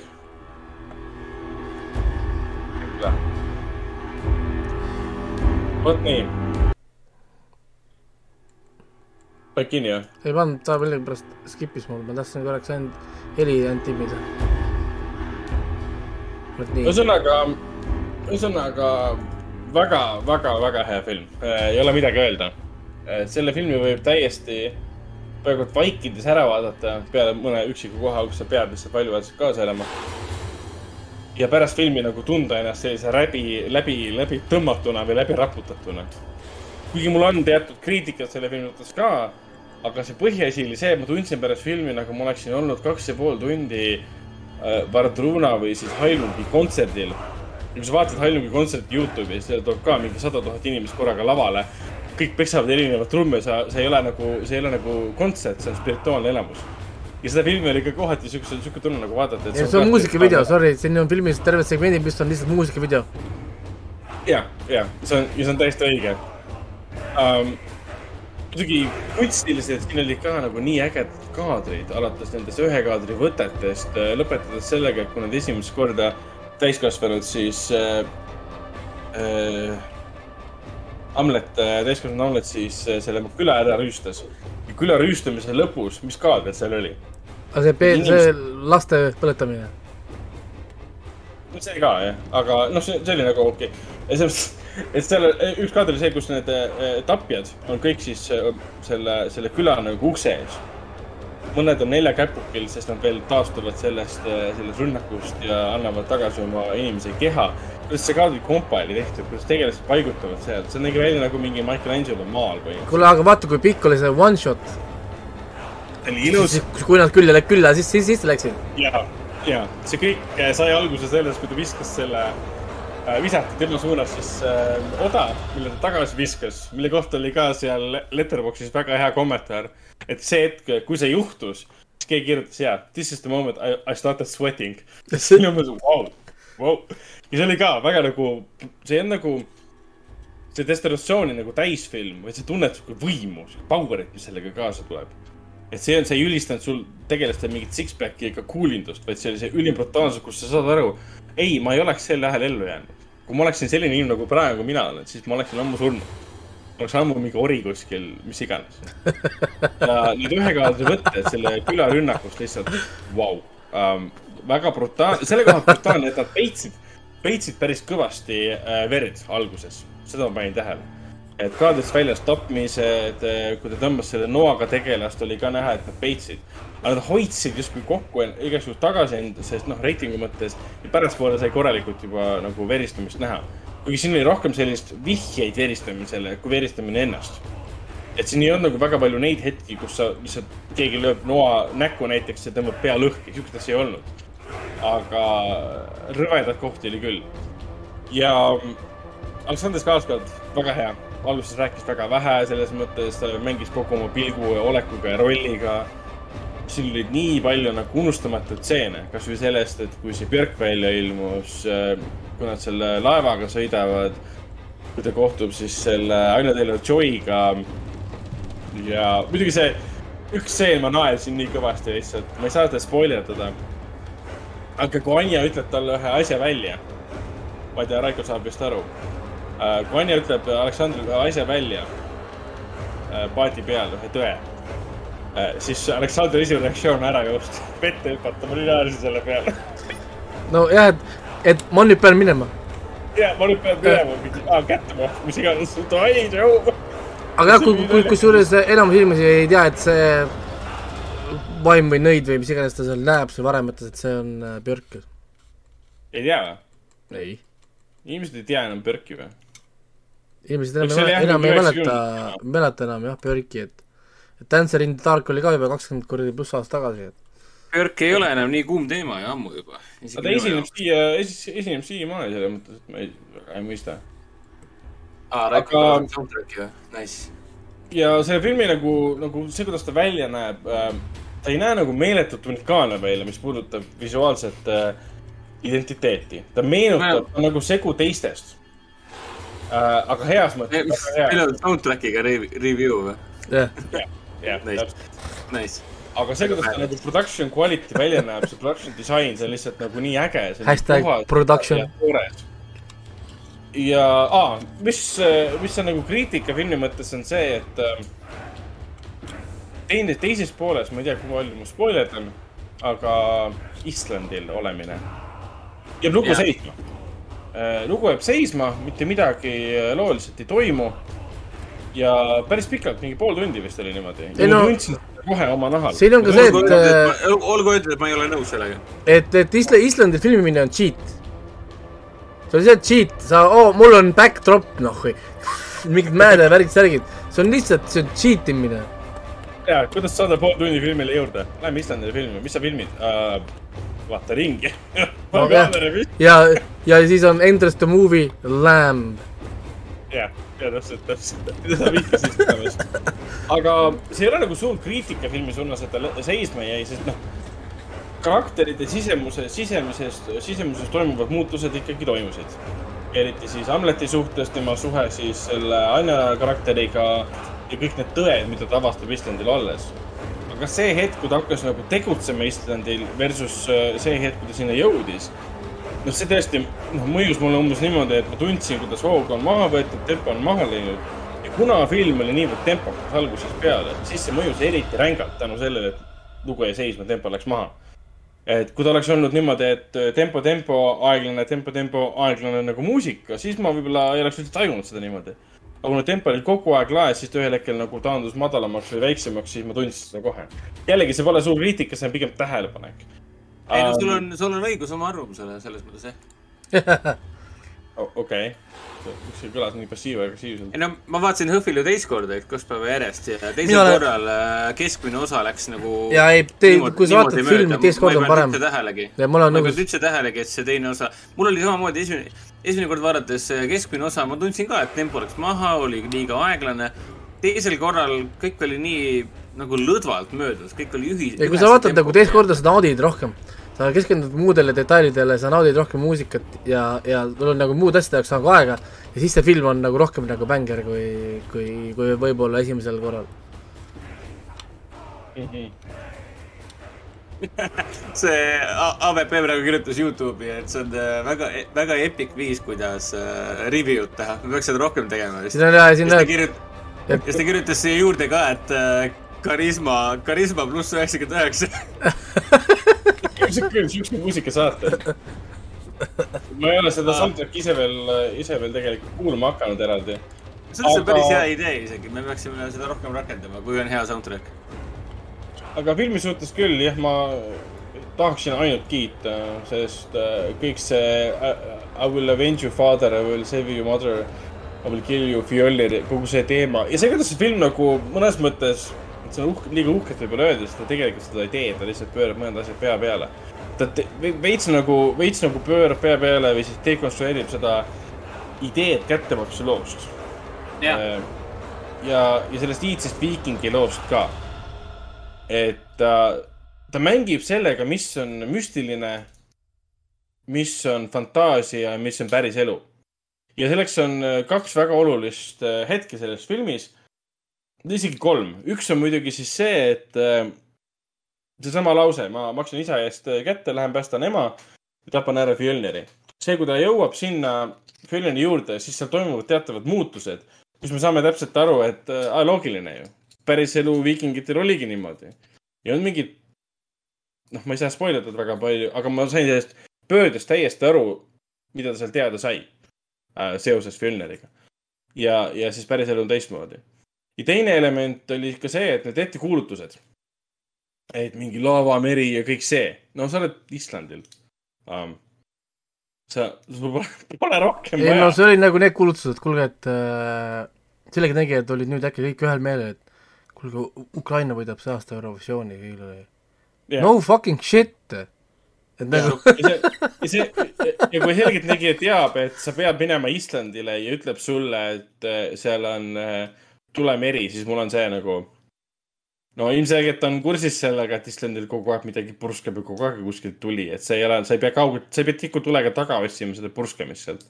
et ühel hetkel see ikka juhtub um,. ja kolmas element, mis mulle väga meeldis, see puudutas seda, seda, seda müütilist elementi, seda mõõka ja ühte võitlust mõõga nimel Äh, ja see, mis sai pärast seda võitlust äh, mõõga nimel. Sest ju see võitlus No, toimus no siin- nagu ära, jaa, ja Ja siis siis oli see nägime, real time. jah. ehk siis üks on see, mida me nagu, nagu ettekuulutused ja müstisism ja kõik see tahame, et See- oleks. ja mida meie on tahame reaalsus. näha, mida meie tahame näha ja Viiking tahab näha, aga mis on tegelikult et noh. ei päris- no mi- päris minule et, minule ikka meeldis äh, räigelt see Valküüriaga pilvidest sõitmine hobusel. see muusika ja see tseen, holy shit. See oli minu arust nii nii powerful stuff, et mul oli holy fucking hell, kui hea Jaa. kihvt idee. ja see oli ikka, kuidas nagu kaljust läks nagu üle. ka, ka karjus ja. lendab vaata taevasse, mõõk käes.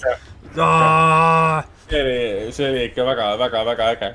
ehk siis see film oli tegelikult äh, inte- intelligentselt nagu la-, lahkab seda, kogu seda viikingite teemat, kogu seda kättemaksu teemat, kogu seda muinasjuttude, ettekuulutuste ja üleloomulike elementide teemat.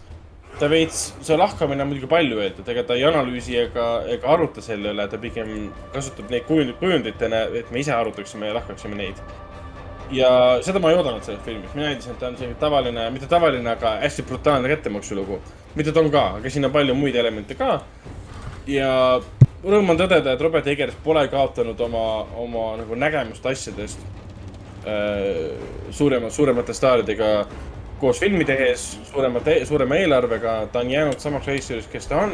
kuigi natuke on tunda siukest äh, libisemist, et ta, et ta pidi ikkagi järele andma stuudio mõttes ka aga noh, film on nüüd juba VOD-s olemas. kõik, kes tahavad kuskilt Voodoost ja teda osta, saavad seda juba teha. Juba reedest, eksi. see on praegu kinos ja see on praegu, ja see on pesuehtne kinofilm. kui sa vaatad sellist filmi kuskil mujal kui Jah. mitte kinos, siis äh, sorry, sa, ei, ei, ei, vahe sa, on sa, sa, sa ei vääri elu. vahe on suur, mina, mina vaatasin seda review copy't äh, läbi selle arvuti ja no äh, kui sa kui sa, kui sa ei saa, kui sa ei saa seda power'it, heli power'it ja sul, kui kodus pole mingi seitse üks heli või mingi mingisugune reaalne niimoodi, et subwoofer väristab kuradi naabreid ja, ja, ja, ja muid asju, siis, siis millest me, noh, mis asja, noh, what the fuck. jaa, täpselt, sul jääb põhimõtteliselt mingi viiskümmend protsenti filmist, rohkem isegi jääb saamata põhimõtteliselt. sa ei saa seda filmi, sa ei saa filmi kätte, see ei jõua sinuni, kui sa vaatad seda kuskil mujal. nojah, kui sa hakkad vaatama filmi story pärast, siis, siis uh, I have bad news for you. et, et, et see ei ole võib-olla see, mille pärast seda vaadata, no umbes, et ma vaatan uh, ma, ma vaatan Star Warsi narratiivi pärast või et ma vaatan Majat artiklite pärast või, või, või, või mis need asjad on. mulle meeldivad need anekdoodid seal. ja, jah, mida inimesed ütlevad siin, et, et see, that's, that, that's not how it works. Andre, Andre muidugi kiiresti vastas, et ta vaatab seda Galaxy S kahe pealt kohe kiiresti ei, palun ära tee seda see peab olema siukse heliga, et sa, et see peksab sulle nagu kõrvadesse sisse nagu heas, heas kinosaalis eriti veel see, et kui sa oled äh, metal-muusika fänn ja sulle meeldib folk metal äh, või folk viking metal, kui minna väga spetsiifiliseks, siis Northman on nagu live-kontsert äh,, Heilungi, Heilungi kontsert või Vardruna kontsert. nii et äh, kõik, kõik raske muusika fännidele on see nagu kohustuslik vaatamine. nii, aga siis järgmine. Äh, vaatasime, vaatasin esimest korda, Hendrik vaatas siis äh, teist korda ära äh, Doctor Strange in the Multiverse of Madness järg siis äh, Doctor Strange'i esimesele filmile. see on siis nüüd MCU neljanda faasi, mis ta oli, viies film. ja. ja, ja üksteist filmi on välja kuulutatud kokku ja kahekümne kaheksas film muidu MCU-s. täpselt nii. kahekümne kaheksas või, mis asja? nii vähe või? kaheksa, jah. ma praegu Aga... mõtlen, miks ma, miks ma üldse ei ole Northmani ega Doctor Strange'i soundtrack'e kuulanud iseseisvalt Strange'i mina ka ei ole veel. aga räägi meile, mis sa filmist arvasid? täielik Sam Raimi film äh, no., ütleme nii ähm,. kõik Sam Raimile omased elemendid on siin filmis olemas. mis see siis tähendab? see tähendab ähm, isi-, sügavalt isiklikud teemad, see tähendab isiklikku, isiklikke teemasid nagu karakterite suhtes. umbes küsimus, et kas nad on õnnelikud ähm,, kas nad said elus selle, mis nad tahtsid saada. siin tulevad sisse õuduselemendid ilmselgelt, sest on õudusfilmide režissöör, kellena me teda peamiselt nagu tunneme, unustame selle vahepealselt mõned eksisammud ära, nagu see Oz, Ozi film Võluroos ja kõik see, et äh, no see on see väga halb. see ei olnud nii hull ka. nagu, see oli okei okay. um,. ja mis puudutab horrorit, siis see on täielik, äh, täielik tema film ja kaadri, kaadrinurgad, kaamera liikumised on ka väga Sam Raimile omased eriti õudusfilmidele omaste stseenide juures, kui seal näiteks äh,, ei saa spoilerdada, sest see üks põhiasi minu jaoks oli täielik üllatus, mina seda ei teadnud ähm,. et kellega filmis võideldakse mul, see oli minu jaoks üllatus. on raimugi, ma olen treilerit vaadanud, esimest treilerit ja selle põhjal ma ei saanud seda nagu aru, et see on see. treilerites on vale narratiiv, ükskõik millist yeah. treilerit sa vaatad. jah et kõik on valesti pandud ja ma olin väga rahul, et ma seda ei teadnud, mistõttu ma seda ei ütle ka. see mulle väga meeldis ja kus see põhipaha seal ringi liigub äh, teatud stseenides, ütleme, see seostub vee ja siis peeglitega, siis kuidas seal kaamera liikus, see oli täielik, täielik, nagu sa vaataksid Evil Deadi põhimõtteliselt. jaa, see oli väga äge ja nõus. ja ühesõnaga, ma kiidan selle filmi heaks Sam Raimi filmina. kui sulle meeldib Sam Raimi, siis sa pead seda filmi vaatama. ta toob siia filmi helguse, inimlikkuse, õuduse, komöödia, suurejoonelisuse. aga kuulge, kas te muidu kuulsite, et äh, väidetavalt film lõigati nelikümmend minutit lühemaks või? oh sa kurat, seda ja. ma ei ole veel kuulnud. kuulsin jah. et kuulsin, äh, lõigati välja kõik äh, olulised asjad, sest film oli ole, olevat algselt olnud kaks nelikümmend üheksa. kaks nelikümmend üheksa? ja, ja nad lõikasid välja nelikümmend minutit multiversumi asju, et kasutada ühe teise sala Marveli projekti jaoks olgu, kuidas on, aga ausalt, olgu, kuidas on, aga ausalt öeldes ma olen väga rahul, et nad sellise otsuse tegid. sest, sest, sest, sest minu meelest oli film oli väga täpselt kokku lõigatud, väga täpse visiooniga, mul on hea meel, et teda pikemaks ei tehtud. ja, ja siis oli veel üks teine spoiler, võeti välja sellepärast, et algselt oli arvatud, et äh, Tom Cruise on nii-öelda ainult äh, see multiversum Ironman aga, aga, aga kuna vist olevat pakkunud huvi rohkem, rohkem kui olla ainult multiversumi Ironman, siis stuudio võib-olla otsustas, otsustas, et äh, me võtame selle siit välja ja lähme hoopis uh, we, we take another road. okei okay,, see kõlab äh,, ma ei tea, ausalt öeldes ma ei taha Tom Cruise no jah, no vaatame, mis saab, et selles mõttes. tahaks kedagi muud. siin filmis on palju multiversumi teemat küll, ma isegi ootasin rohkemat et ta oleks multiversumi koha pealt nagu põnevam. sellega ma olen nõus natukene, et, et, et kui filmi pealkiri on Multiverse of, of Madness, siis ma eeldaksin, et seda Multiverse'i ja Madness'i on nagu rohkem. No, no, tegelikult nelikümmend minutit oligi rohkem. jah, aga see No kõik võeti ära. aga kui see on nagu sisuväline, sisuväline MCU jauramine, siis see on nagu miinus, miinus pigem. ja mõnes mõttes see film oleks pidanud olema algusest peale täielik multivers äh, nagu, nagu hullumeelsus, aga oli tunda jah, oli, väga turvalised valikud sisse jäetud. kuigi seal olid väga üllatavad asjad ka, mis, millest ma ei saa üldse rääkida, ma olin väga üllatunud, kui need asjad sisse tulid. see puudutab. samas, samas, samas, aga inimesi toolidel, mis what the fuck ja see, kuidas, samas- kuidas nad äh, nagu oma lõppu leidsid, oli ka väga nagu vau wow.. samas, kui sa nüüd võrdled äh, Doctor Strange'i näiteks Loki seeriaga, Lokil oli ka väga spetsiifiline sisu, väga spetsiifiline narratiiv, täpselt nagu Doctor Strange'il, et et sulle küll lubatakse multiversumit, sulle lubatakse TVA-d ja kõike seda, aga pigem on see ju positiivne, kui me saame kahe tunni ja kuue minuti pikkuse kindla alguse, keskpaiga ja lõpuga ühe kindla story nagu kontekstis loo. mitte nagu kõike seda kuskilt mujalt kätte saada, et sulle siis nagu, et ta oleks ikkagi Doctor Strange'i film, mitte Doctor Strange in the multiverse of madness of MCU, et noh, ma pigem pooldaksin seda noh, ühe, ühe tegelase lugu rohkem kui seda, et MCU film oleks, nelikümmend minutit oleks ta põhimõtteliselt MCU film olnud lihtsalt. see, kui te saate aru, mis ma mõtlen. Rauno siin Aga kir-, Rauno siin kirjutab, et Tom Cruise Iron Mani üldse filmitud, seda reaalselt ei eksisteeri, kust sa võtad seda? sellepärast, et äh, iga osaline eitas näiteks, et And- Andrew Garfield on No Way Home'is. seda pole kunagi filmitud, keegi pole teinud, mitte keegi pole näinud. et MCU Siis ei ei anna mitte ühtegi infot mitte kunagi sulle välja. Nad ei ütle sulle, millal nad filmivad, kus nad filmivad äh,, millal on, mis on nende schedule, nad ei ütle isegi, millal filmid production'isse lähevad. Nad ei anna kunagi niisugust infot mitte kellelegi, et keegi saaks kunagi need No, No Way Home'i, No Way Home'i fännid mingi, aa, you must be new, noh, Garfield ka kogu selle aja rääkis, et ei ole, ei ole, ei ole. ja ei ole selles mõttes asju ja, ja, ja, ja värki, enne kui nad siis ise siis le- lekid, lekitasid selle, tekitasid selle lekke nii-öelda, kus see Garfieldi see lekke, see klepikene oli umbes nagu. noh, ja, ja Toobi Maguire'ist enne polnud üht- ühtegi piuksu, kui film tuli reaalselt äh, kinno. inimesed spekuleerisid, aga ühtegi leket asja, mitte ühtegi asja nagu ei olnud. ja, ja, ja, ja, ja, ja noh, ja kõik samad allikad, mis kinnitasid, et olid äh, ole, olemas Garfield ja Maguire, andsid asukohtasid, kus filmiti, needsamad allikad ütle, ütlesid ka Tom Cruise'i kohta veel asju. seal on veel tegelikult, minge võtke see lahti, see Reddit ja see ja Fe-, Feige ütles seda, Feige ütleb, Feige võib palju asju tema on viimane inimene, kelle, kelle, kelle käest me tahame saada infot. iga, iga kord, kui öeldakse, et midagi eksisteeris, siis tasub vist meeles pidada, et uh, No Way Home. ja et ma ei, selles mõttes äh, ma ei, ma soovitan, ei soovita, võtke lahti see 4chan'i ja Redditi see MCU spoilerite oma. ja, ja seal on need osad user'id, võite vaadata, nad on sada protsenti olnud õiged oma spoileritega. ja nad panevad päris palju infot äh, uute Marveli filmide kohta, nii et olge ettevaatlikud, kui te sinna lähete.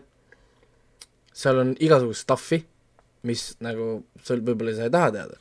ja seal on ka stuff'i selle neljakümne minuti kohta, mis välja lõigatigi. aga see nelikümmend minutit, mis sellest siis nagu saab? ei, no see, seal, pannakse seal, peale. seal, seal oligi spekulatsioon, et algselt filmid olid põhimõtteliselt olemas nii-öelda nagu pre, mingi kattversioonid olid olemas, et äh, Doctor Strange oli ennem No Way Home'i. siis kui nad muutsid selle järjekorda ära ja nad Jah. muutsid järjekorda ära sellepärast, et keegi hakkas vaatama seda, avastas seda, kellelgi tuli mingi idee seoses tõenäoliselt sellest Tom Cruise Iron Maniga, et kuulge, mul on selline idee, mida ma ei ütle teile, peate ise lugema, kui tahate lugeda. siis oli, oh, see on hea idee, võtame selle siit ära kõik, vot selle koos me peame eemaldama ka kõik ülejäänud, selle osa kõik ära. ja No, ja ja, ja siis nad tõstsid järjekorrad ümber, siis nad filmisid stseenid juurde, nad filmisid Doctor Strange'ile juurde selle stseeni seal kohvikus, kus nad rääkisid Spider-manist, et seda muidu ei olnud üldse vaja, aga neil oli vaja panna paika järjekord jah, ja, ja siis nad filmisid No Way Home'ile äh, juurde need äh, P. Peteri ja selle Doctor Strange'i omavahelised interaction'id, et panna paika filmide see nii-öelda nagu see, sest Sam Raimi on seda korduvalt öelnud ka, et ta pidi minema, et teda nagu sunniti minema reshoot'i tegema ainult sellepärast, et äh, MCU pani veel teatud asju paika. ja asjad olid tehtud, palgad kutsuti näitlejad kõik tagasi, mindi uuesti võttesse, et lisada mingeid asju. Mistõttu osad näitlejad ütlevad ka, et nad teatud näitlejatega üldse tegelikult filmimise jooksul kokku ei puutunud. ja, ja, ja, ja selles mõttes on huvitav lugemine, aga no ma ei taha nii nagu hullult spoil ida endale ka, aga kuna ma tean MCU kohta niikuinii nii palju, siis lihtsalt nagu see, et okei okay,, vaata, vaata, noh, whatever onju. aga, aga, aga jah, seal on äh, niisugused asjad, aga no olgu äh,, jah, me päris kaua aega viimase asjana mainin seda, et see on hea film, see on, see on hea film, mina nautisin seda, siin on mu- muusikalised momendid on lihtsalt niimoodi, eriti see üks, üks võitlus muusi-, muusikalahing. muusikalahing, see on täiesti puhas ilu, geniaalne. palun tehke veel midagi sellist. kuule, see oli nagu, see oli nagu mingi Tommy ja Jerry multikast võetud. jaa, aga aga siukest asja ma vaataksin iga kell. see, mis selle filmi lõpus toimus seoses äh, Strange'i välimusega, ütleme nii. palun tehke siukseid asju veel, mul ei ole vaja näha, kuidas inimesed peksavad üksteist äh, russikatega, see ei ole nagu, nagu põnev. see on, see on see, et kuule, kas, kui sa tahad seda teha, kas siis seal universumis ei peaks nagu sina ka olema mingi, kes ütles, et ta, spoiler. et äh, väga tore film ja. Hmm, mul on te- teatav ekspertiis selles valdkonnas ah, Jaa.. nii, aga lähme kiiresti edasi, sest Raiko tahab äh, kanade eest hoolitsema minna äh,. Aga räägime siis äh, Nick Cave'ist äkki natukene või? hästi natukene jaa. seal ei ole Äh, väga palju vist rääkida, ma pakun. Äh, suurepärane muusikaline dokumentaalfilm räägib Nick Cave'i ja Warren Ellise omavahelisest loomingulisest suhtest ja enamik filmist, mingi kaheksakümmend protsenti filmist on siis kontsert. ja kontsert koosneb siis, see on Andrew Dominiki lavastatud, sama mees, kes on siis kõik need ägedad äh, filmid siin Brad Pittiga teinud äh,. Killing them softly ja siis tema kõige kuulsam film, see Killing of Jesse James by the Coward of uh,, Coward Robert Ford. jah, täpselt ja Chopper äh, Erik Paanaga kunagi ammu. ja tema tegi ka selle One More Time with the Feeling'u. see oli see film, mis valmis siis Nick Cave'iga pärast esimese lapse surma. ja väga ilus film ja siin kahe Nonii. Discord pani jälle pange. Viimane Nick Cave'i teeb Bad Seas'i album äh, Ghosteen ja siis Carnage, mis on, teda te- tegi siis koos mm -hmm. Warren Ellisega. et, et, et väga ilus, kui sa oled fänn, siis sa oled äh, täiesti joostluses kogu selle saja viie minuti jooksul. et mina jäin väga rahule. jah, kuigi, kuigi One More Time with the Feeling meeldis mulle rohkem. see oli rohkem nagu dokumentaalfilm siiski. see eelmine. no nii ja, no nii ja naa, aga noh, jah, enam-vähem samasugune, et kui sa tahad siukest, jah, jah, okei okay., nii. aga Äh, äh,, aga ma mainin lihtsalt nii palju veel ära ka, et muusikalises mõttes see see jah sees seni kahe viimase albumi. üks on siis Nick Cave The Batsisi viimane album Ghosteen, sealt on lood siis. ja teine on siis Nick Cave ja Warren Ellise ühine bänd, ühine album äh, Carnage yeah., kus on siis pärit lood. jaa. Tõeliselt siis, siis ma vaatasin ära ka selle Colin Firthi uue filmi, mis nüüd on pärit eelmisest aastast ja nüüd siis linastus ka eh, Foorum Cinemas kinodes eh, Operation Mincemeat ehk siis luureoperatsioon Mincemeat ehk siis luureoperatsioon Hakkliha. ja noh, ütleme nii, et eh, minu jaoks jäi film niisuguseks pigem kuivaks, aga, aga olgugi, et filmi teema on küllaltki märg, sest filmi eesmärk, filmi igatahes, tegemist on siis teise maailmasõja ajaks äh, sõjapõnevikuga, kus siis Briti, Briti luure paneb kokku salakavala plaani, kuidas siis Hitlerit, Hitleri vägesid petta. ehk siis meil on vaja visata laip merre. laibal on küljes äh, need salajased dokumendid, mis siis peaksid veenma Hitleri, Hitlerit, et on vaja tema oma väed Sitsiiliast välja tõmmata ja mujale hoopis Kreekasse minna nendega ja kogu film ongi siis kaks tundi ja kaheksa minutit selles, et kuidas nad selle ära pullisid. kui raske seda tegelikult teha oli, mille, millele kõigele nad pidid mõtlema ja nii edasi. et, et, et kõige huvitavam äh, omapära selle filmi juures oli see, et kui sisse läksid erinevad tegelased, kes selles missioonis olid, sellesse välja mõeldud äh, sõdurisse, kelle nad siis viskavad sinna äh, laiba. sest laip on päris, aga inimene on äh, välja mõeldud, fiktsioon ja siis igaüks omast, omast kogemusest, omast iseendast võttis tükikese nii-öelda ja pani ta siis enne- oma, oma, oma hinge nii-öelda pani selle tegelase sisse. selle, selle, selle lai- laiba sisse võib vist nii öelda, et eh, jah, rääkides laipadest siis jah, no spoilers. et see oli väga ilus poeetiline nägemus, selline sõjaaegne, sõjaaegne soovunelm, et kõik panevad oma soovid ja unelmad ühte, ühte missiooni sisse, antud juhul siis ühte inimesse jätab maha oma armastatu ja kõik siuksed asjad ja siis satub äh, laibana või noh, surnuna äh, satub siis äh, Sitsiilia rannikule. aga muidu sihuke kuus-kümme film, et äh, ma pigem vaataks Tinker Tailor Soldier Spy'd ja tollega teine teema, külm sõda ja kõik siuksed asjad, et äh, aga taaskord Colin Firth, et äh, et kui, kui ja samas, kui on hammas äh, verel äh, mõnele uuele väga hästi tehtud äh, sõjaaegsele spiooni ja luurefilmile, siis teeb oma töö ära küll. nii äh,, siis Kõik kirjas igavese armastuse puu äh,. tubli seitse-kümme film äh, kohe algusest äh, kuskilt kahe, kolmekümne minuti pealt äh, sai selgeks, et jah, see on ikka väga hästi tunda, et tegemist on debüütfilmiga. sest äh, tal küll on äh, alla pooleteise tunni pikk, kaheksakümmend kaks, kaheksakümmend viis minutit, midagi sellist. või oli ta kaheksakümmend koguni. Aga on tunda jah, et äh, neil sai filmi keskel sai jaks otsa ja nad ikka vägisi pidid mõtlema, kuidas, kuidas tõenäoliselt pigem siis lühifilmi formaat oleks ka täispikk film. aga sellest kitsast kohast sõltumata mulle film väga meeldis. et, et äh, tõenäoliselt see Urme Piiling ja Meel Paljala on äh, ühed, eriti see üks režissööridest mängis ka filmi peategelast. kurat, ma pean endale meelde tuletama, kumb neist see oli.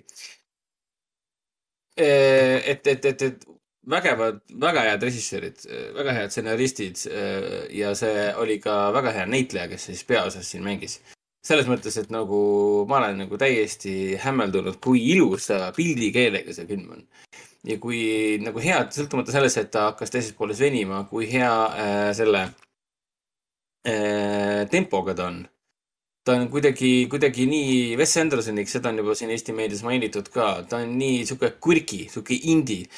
ta on, ta on väga, väga meeldejääv ja haarav, et ta, ta ei ole, ta ei, üldse ei meenuta Eesti filmi, et, et, et minu suurim soovunelm on praegu see, et jah, meil val-, Urme Piiling oli siis see, kes mängis peategelast. minu soovunelm on see, et need režissöörid ainult paneksid sajaga edasi, sest et see, kui sinu esimene film on Kiik kirjas ja igavese armastuse puu, siis nagu palju õnne, sa oled elus, elus nagu põhimõtteliselt sada protsenti saavutanud. et kui sa teed sellise pildikeelega filmi, see on nagu sa, see, sa teed filmi, mis ei ole Eesti film nii-öelda, sa teed lihtsalt nii hea filmi. igas mõttes, igas tehnilises mõttes, muusikalised hetked, kõrvaltegelased, Marko Vatvere mängib mingit hullu viikingi, viikingiküla äh, kuradi hullu. ei, mitte viikingiküla, vaid äh, Rüütliküla hullu, kes tahab äh, oma, oma Rüütliküla püsti panna, et nagu noh, siuksed pisikesed detailid, mis see kogu tervik on siin nii nauditav. et, et, et, et jah, ma olen äh, väga kahju, et ma alles nüüd seda nägin äh,, aga super, et tund kakskümmend kaks ainult kestis ja läks nagu lepose reega. et soovin režissööridele ja, ja, ja kogu filmimeeskonnale äh, ainult, ainult palju edu ja tehke, tehke palun veel, tehke palun veel, sest see, mis te teete, on väga hea. Ja on kõik, räägime siis tulevastest filmidest. kahekümnendast maist alustab äh, Foorum Cinemas kinodes äh, film äh, nimega, lõvi nimega Kuningas. tegemist on siis prantsuskeelse äh, kogu perefilmiga, mida saab Eestis näha dubleerituna eesti ja vene keeles. see on siis väiksest tüdrukust ja tema sõpradest, kes leiavad väikse lõvikutsika ja algab suur seiklus. ja siis kahekümne neljandast maist äh, alustab Top Gun Maverick ah,. enne kui ma unustan.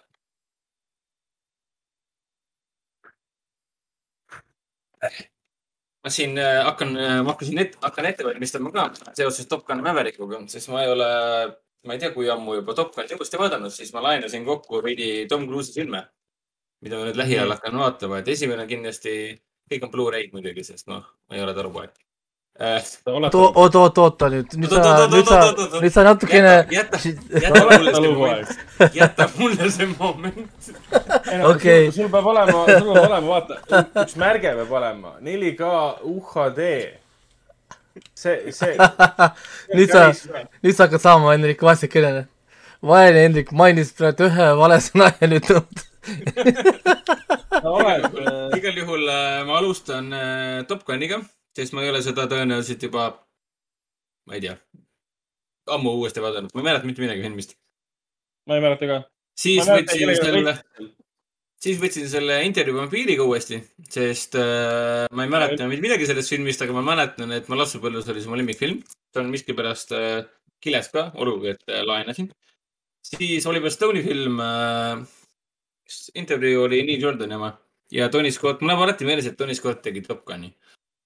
Ja siis Oliver Stone'i Born on the fourth of July, selle võtsin ka ära, sest äh, acting chops äh, ja seda ma ei ole ka lapse peale saadik uuesti näinud äh,. siis Cameron Crowe'i Jerry Maguire, mida ma saan aru, et see film on fenomen ja ma mitte sittagi, sittagi ei mäleta sellest. ma pole mitte kunagi, ma ei ole mitte kunagi seda uuesti vaadanud. see on nagu ja viimane avastus oli siis see, et täna pühapäeval siin kinosõprus äh, praegusel salvestushetkel juba tõenäoliselt näitab seda Days of Thunderit, mis oli minu jaoks üllatus, et äh, see äh,, issand, kelle film see nüüd oli, see oli ka Tony Scotti film. Minu jah,, minu jaoks oli üllatus, et paar aastat pärast äh, Top Guni tegi Tony Scott Days of Thunderi Tom Cruise'iga. et, et lisaks sellele, et mul läheb meelest ära, et Tony Scott, kes on üks lemmikumaid režissööre, Rahu tema hingele, kes ta ei ole enam meie hulgas, sest ta tegi, jah, lahkus meie hulgast. et ta tegi Top Guni, ma ei teadnud üldse, et ta Days of Thunderi tegi. mina kui filmifänn seda ei teadnudki, mis on nagu täiesti imelik asi. mul, mul läks see alati meelest ära, sest see tundus. Soundtracki tegi Hans Zimmer ja Nicole Kidman mängib ka, no seda ma isegi teadsin. nii et äh, ja nendest, nendest, nendest hunnikust filmidest, mis ma laenasin, of Thunder on ainukene, mida ma näinud pole. nii et Äh, mul äh, jah, samamoodi. mul läheb nüüd põnevaks. mainisin kähku, kähku ära. Nii ja siis tulnukad ma juba mainisin, Suicide Kaitset mainisin ka. Ragnar, sinu kord, enne kui me äh, lõpetame, soovime kõigile lastele head und. Uh, Artises saab siis kahekümnendast maist näha selliseid filme nagu äh, Püha öö, Silent Night uh,, kus peaosades on siis Keira Knightley, Matthew Good, Lily Rose Depp ja siis äh, Jojo Rabbitist tuntud äh, Roman, Roman Griffin Davis. Tegemist on äh, musta, musta komöödia slaš äh, draamaga, mida mina nägin juba eelmisel aastal Äh, meile seda kunagi pakuti ka Artisesse, nüüd see tuleb siis kohaliku levitaja kaudu. tegemist on jõuluööl aset leidev, jõulu, jõulupeo ajal aset leidva, leidva looga, mida on kummaline võib-olla maikuus vaadata, aga siuksed valikud on meie ette, ette antud. ta on, tegelikult on ta, pole üldse halb film.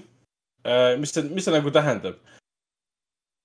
Ma ei tahagi teda arvustama hakata, mul pole selleks aega Äh, kui ta tundub nagu halb film sellepärast, et siin on mingi seltskond saab kokku ja midagi kohutavat on juhtumas, ta ei ole õudusfilm. mis asja praegu halb film või?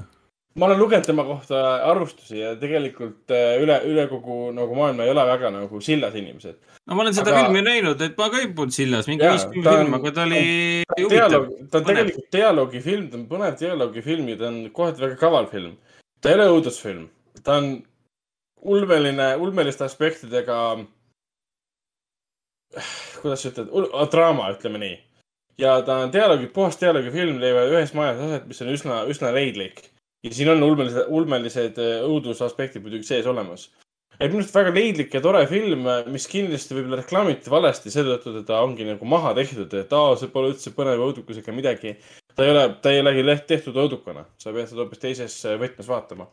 Ja siis samuti Lõvinimäe kuningas alustab meil David Morea lavastatud äh, film. tuletame meelde, et David Morea on üks režissööridest, kes lavastas Inside'i, mitte Inside'i, Inside'i mainida. et äh, David Moreau on French New Wave'i, mida enam ei saa nimetada French New Wave uh,, French New Wave horrori uh, prantsuse-uulaine õudusfilmide üks režissööritest, kes lavastas Inside'i.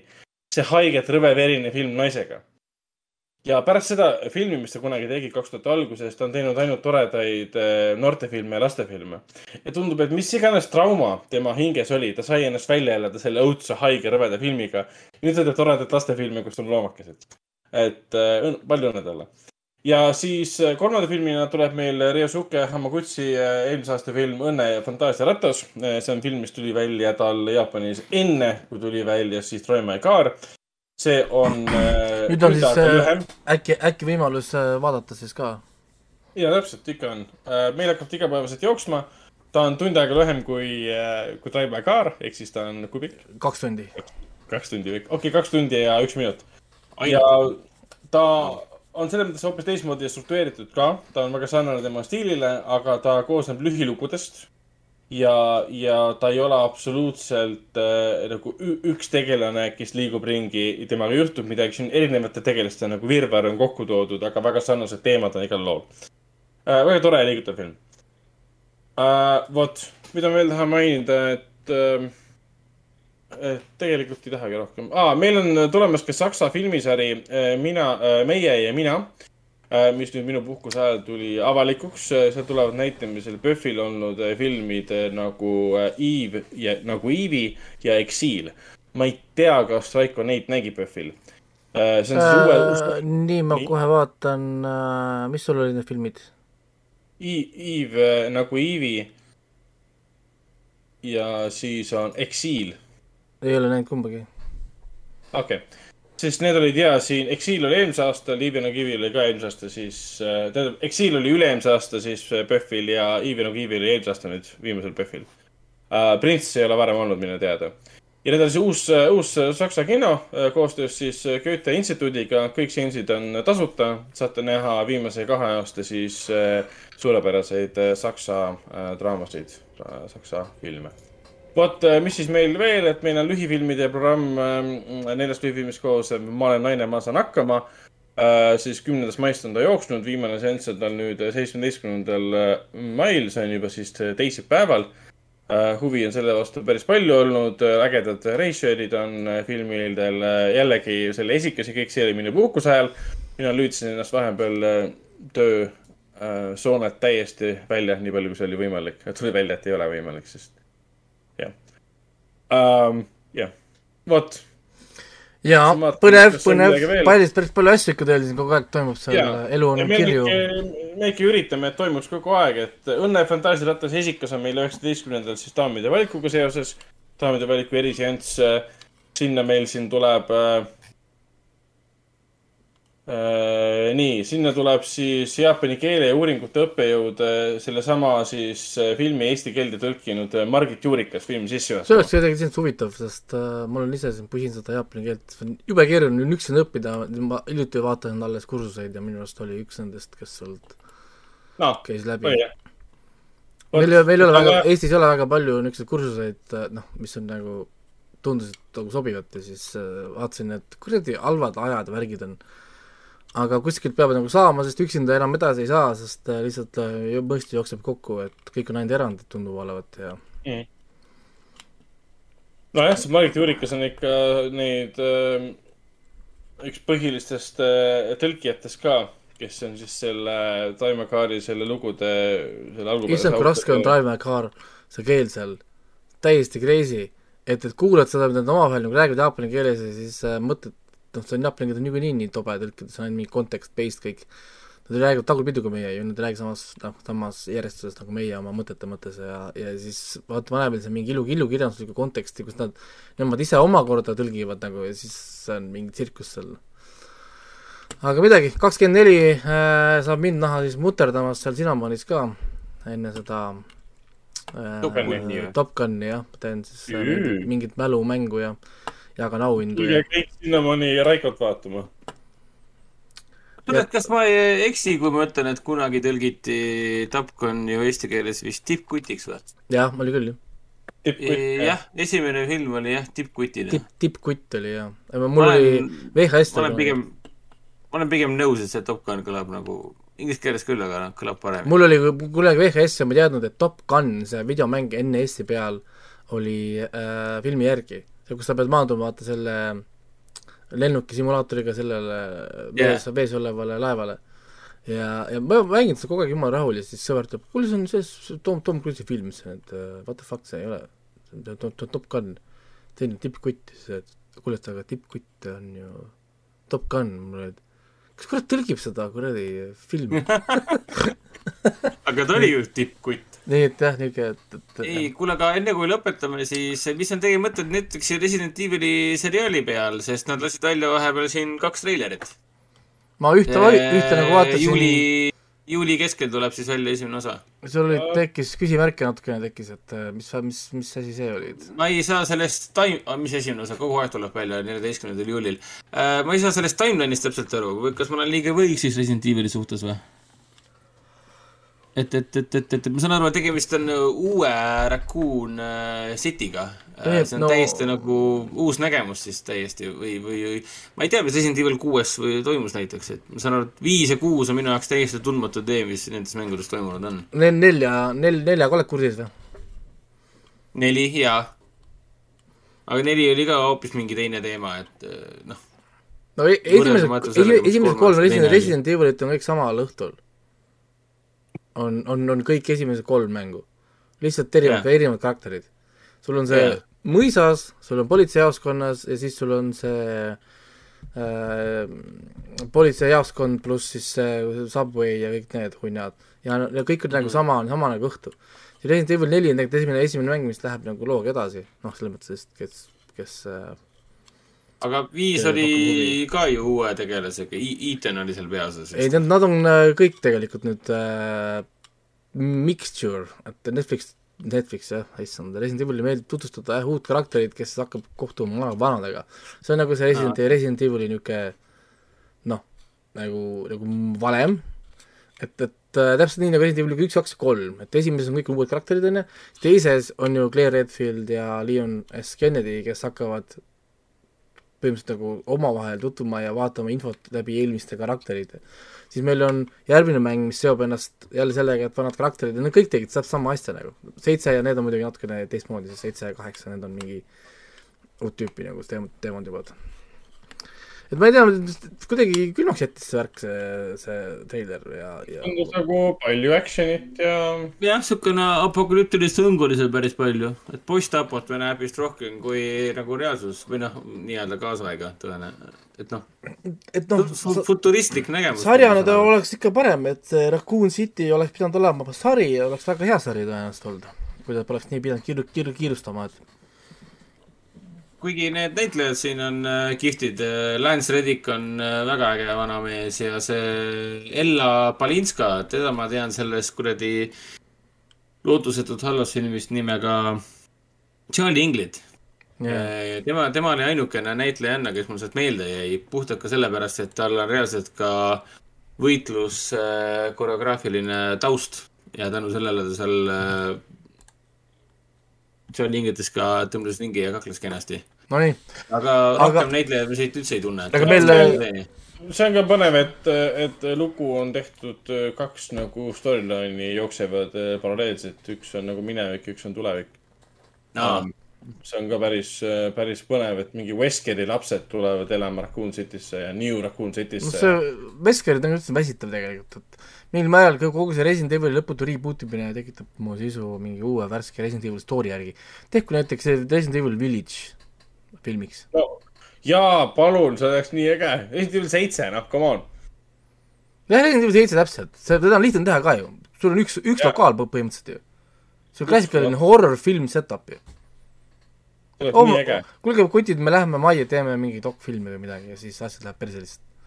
jaa, perfektne film jah. jah, et, et väga nagu niisugune ju lihtne te- noh, nagu teha ja filmi lõpus inimesed saalis pole valmis, tuleb äh, Chris Redfield.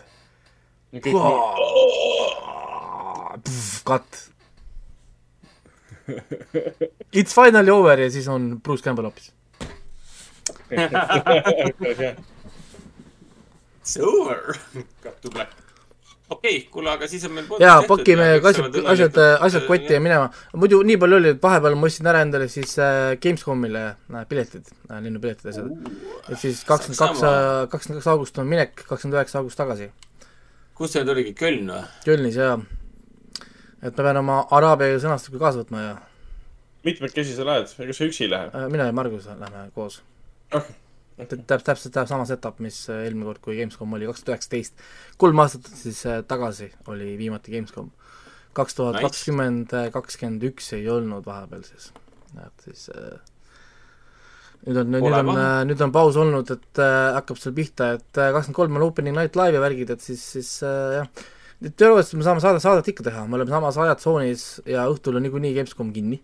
nii et me võiksime täitsa vabalt mingi laupäeva õhtul teha või, või midagi sellist pühapäeva õhtul on niisugune show ja show, ma ei tea, kuidas see pühapäeva õhtul on, pakkimisvärgid, aga noh, eks see, eks see, me saame seda rääkida, kui sinna, sinnani jõuame. ja kui hästi läheb, siis septembris panen ka kohe lennukiga Padavai Tokyo poole, sest Tokyo Game Show tuleb. saad, aa, siis sa saad ka teha otseülekande, kus sa oled kuskil seal mingi see see... Jaapani yakuusadega tšillimas, mingi, teeb meile ülekannet.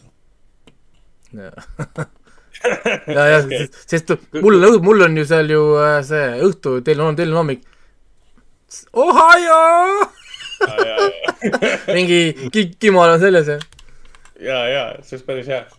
äh,. ei, selles mõttes, et Oota, jaa, et äh, muidugi ma loodan, et jälle on, sellepärast et Tokyo Game Show'ga on alati see olnud, et, et on olnud infot liiga hilja ja näiteks kui neil vahepeal toimus eelmine aasta, siis väe välismaalased võetud Covidi pärast. noh, et, et nad ei pruugi see aasta võtta, sest Jaapan on väga niisugune strict place. ja kui nad võtavad, siis ma pean uurima, kas mul tasub ka minna, mis nende kava üldse on, kui neil on väga niisugune piiratud kava, siis ei ole mõtet minna, sest Jaapan on väga kallis, Tokyo on kallis ja, ja kui, kui sa seal tahad nädal olla seal äh, Tokyos lihtsalt isegi kõige odavamates variantides saab äh, alla kahe tuhande viiesaja, kolme tuhande euro ä- ära ei käi. nii et äh, jah, peame vaatama, kas see tasuks ära ka. nii äh,, in-, outrod ja jutud ja, ja järgmine nädal siis uuesti, siis räägime juba millest, Jujutsu, Jujutsu Kaisen Zerost ja siis me räägime tulnukatest ka tõenäoliselt, sest Jah. kolmapäeval ikkagi lähme ja, vaatame ja selle, ja, ja eks, eks midagi veel, ma ikka lappan mingeid uusi asju ja, ja ma vaatan Ja The, The Circle'it suure äh, hooga ja ja, ja mina räägin siis Moon Knightist äh, ja, ja, ja, ja Demon Slayerist. ja, ja, ja siis ma räägin ka Jujutsu, Kaiseni ja siis, ja siis Ragnar, Ragnar räägib Raised by the Wolves'ist teisest hooajast räägib. ja, ja siis te hakkate rääkima, te hakkate mõlemad rääkima Breaking Badist ja Dexterist ja värkidest. ja All of Us äh, Ardeedist hakkame ka rääkima. tervitused Raunole, kes äh, sõidab praegu mööda Eestimaad. ja, ja, vana seriaal juba. ja, ja, ja, ja Rauno Rauno praegu, ma panen, Rauno praegu paneb meeldetuletuse, ahah, nii et äh, neil on selleks ajaks vaadatud, selge, ma siis uurin. selge, ühesõnaga väga-väga palju infot, aga kell on palju. nii et äh, järgmise korrani. jah, näeme siis. Tšau. tšau. kinoveebi Jututuba podcasti toob teieni Foorum Cinemas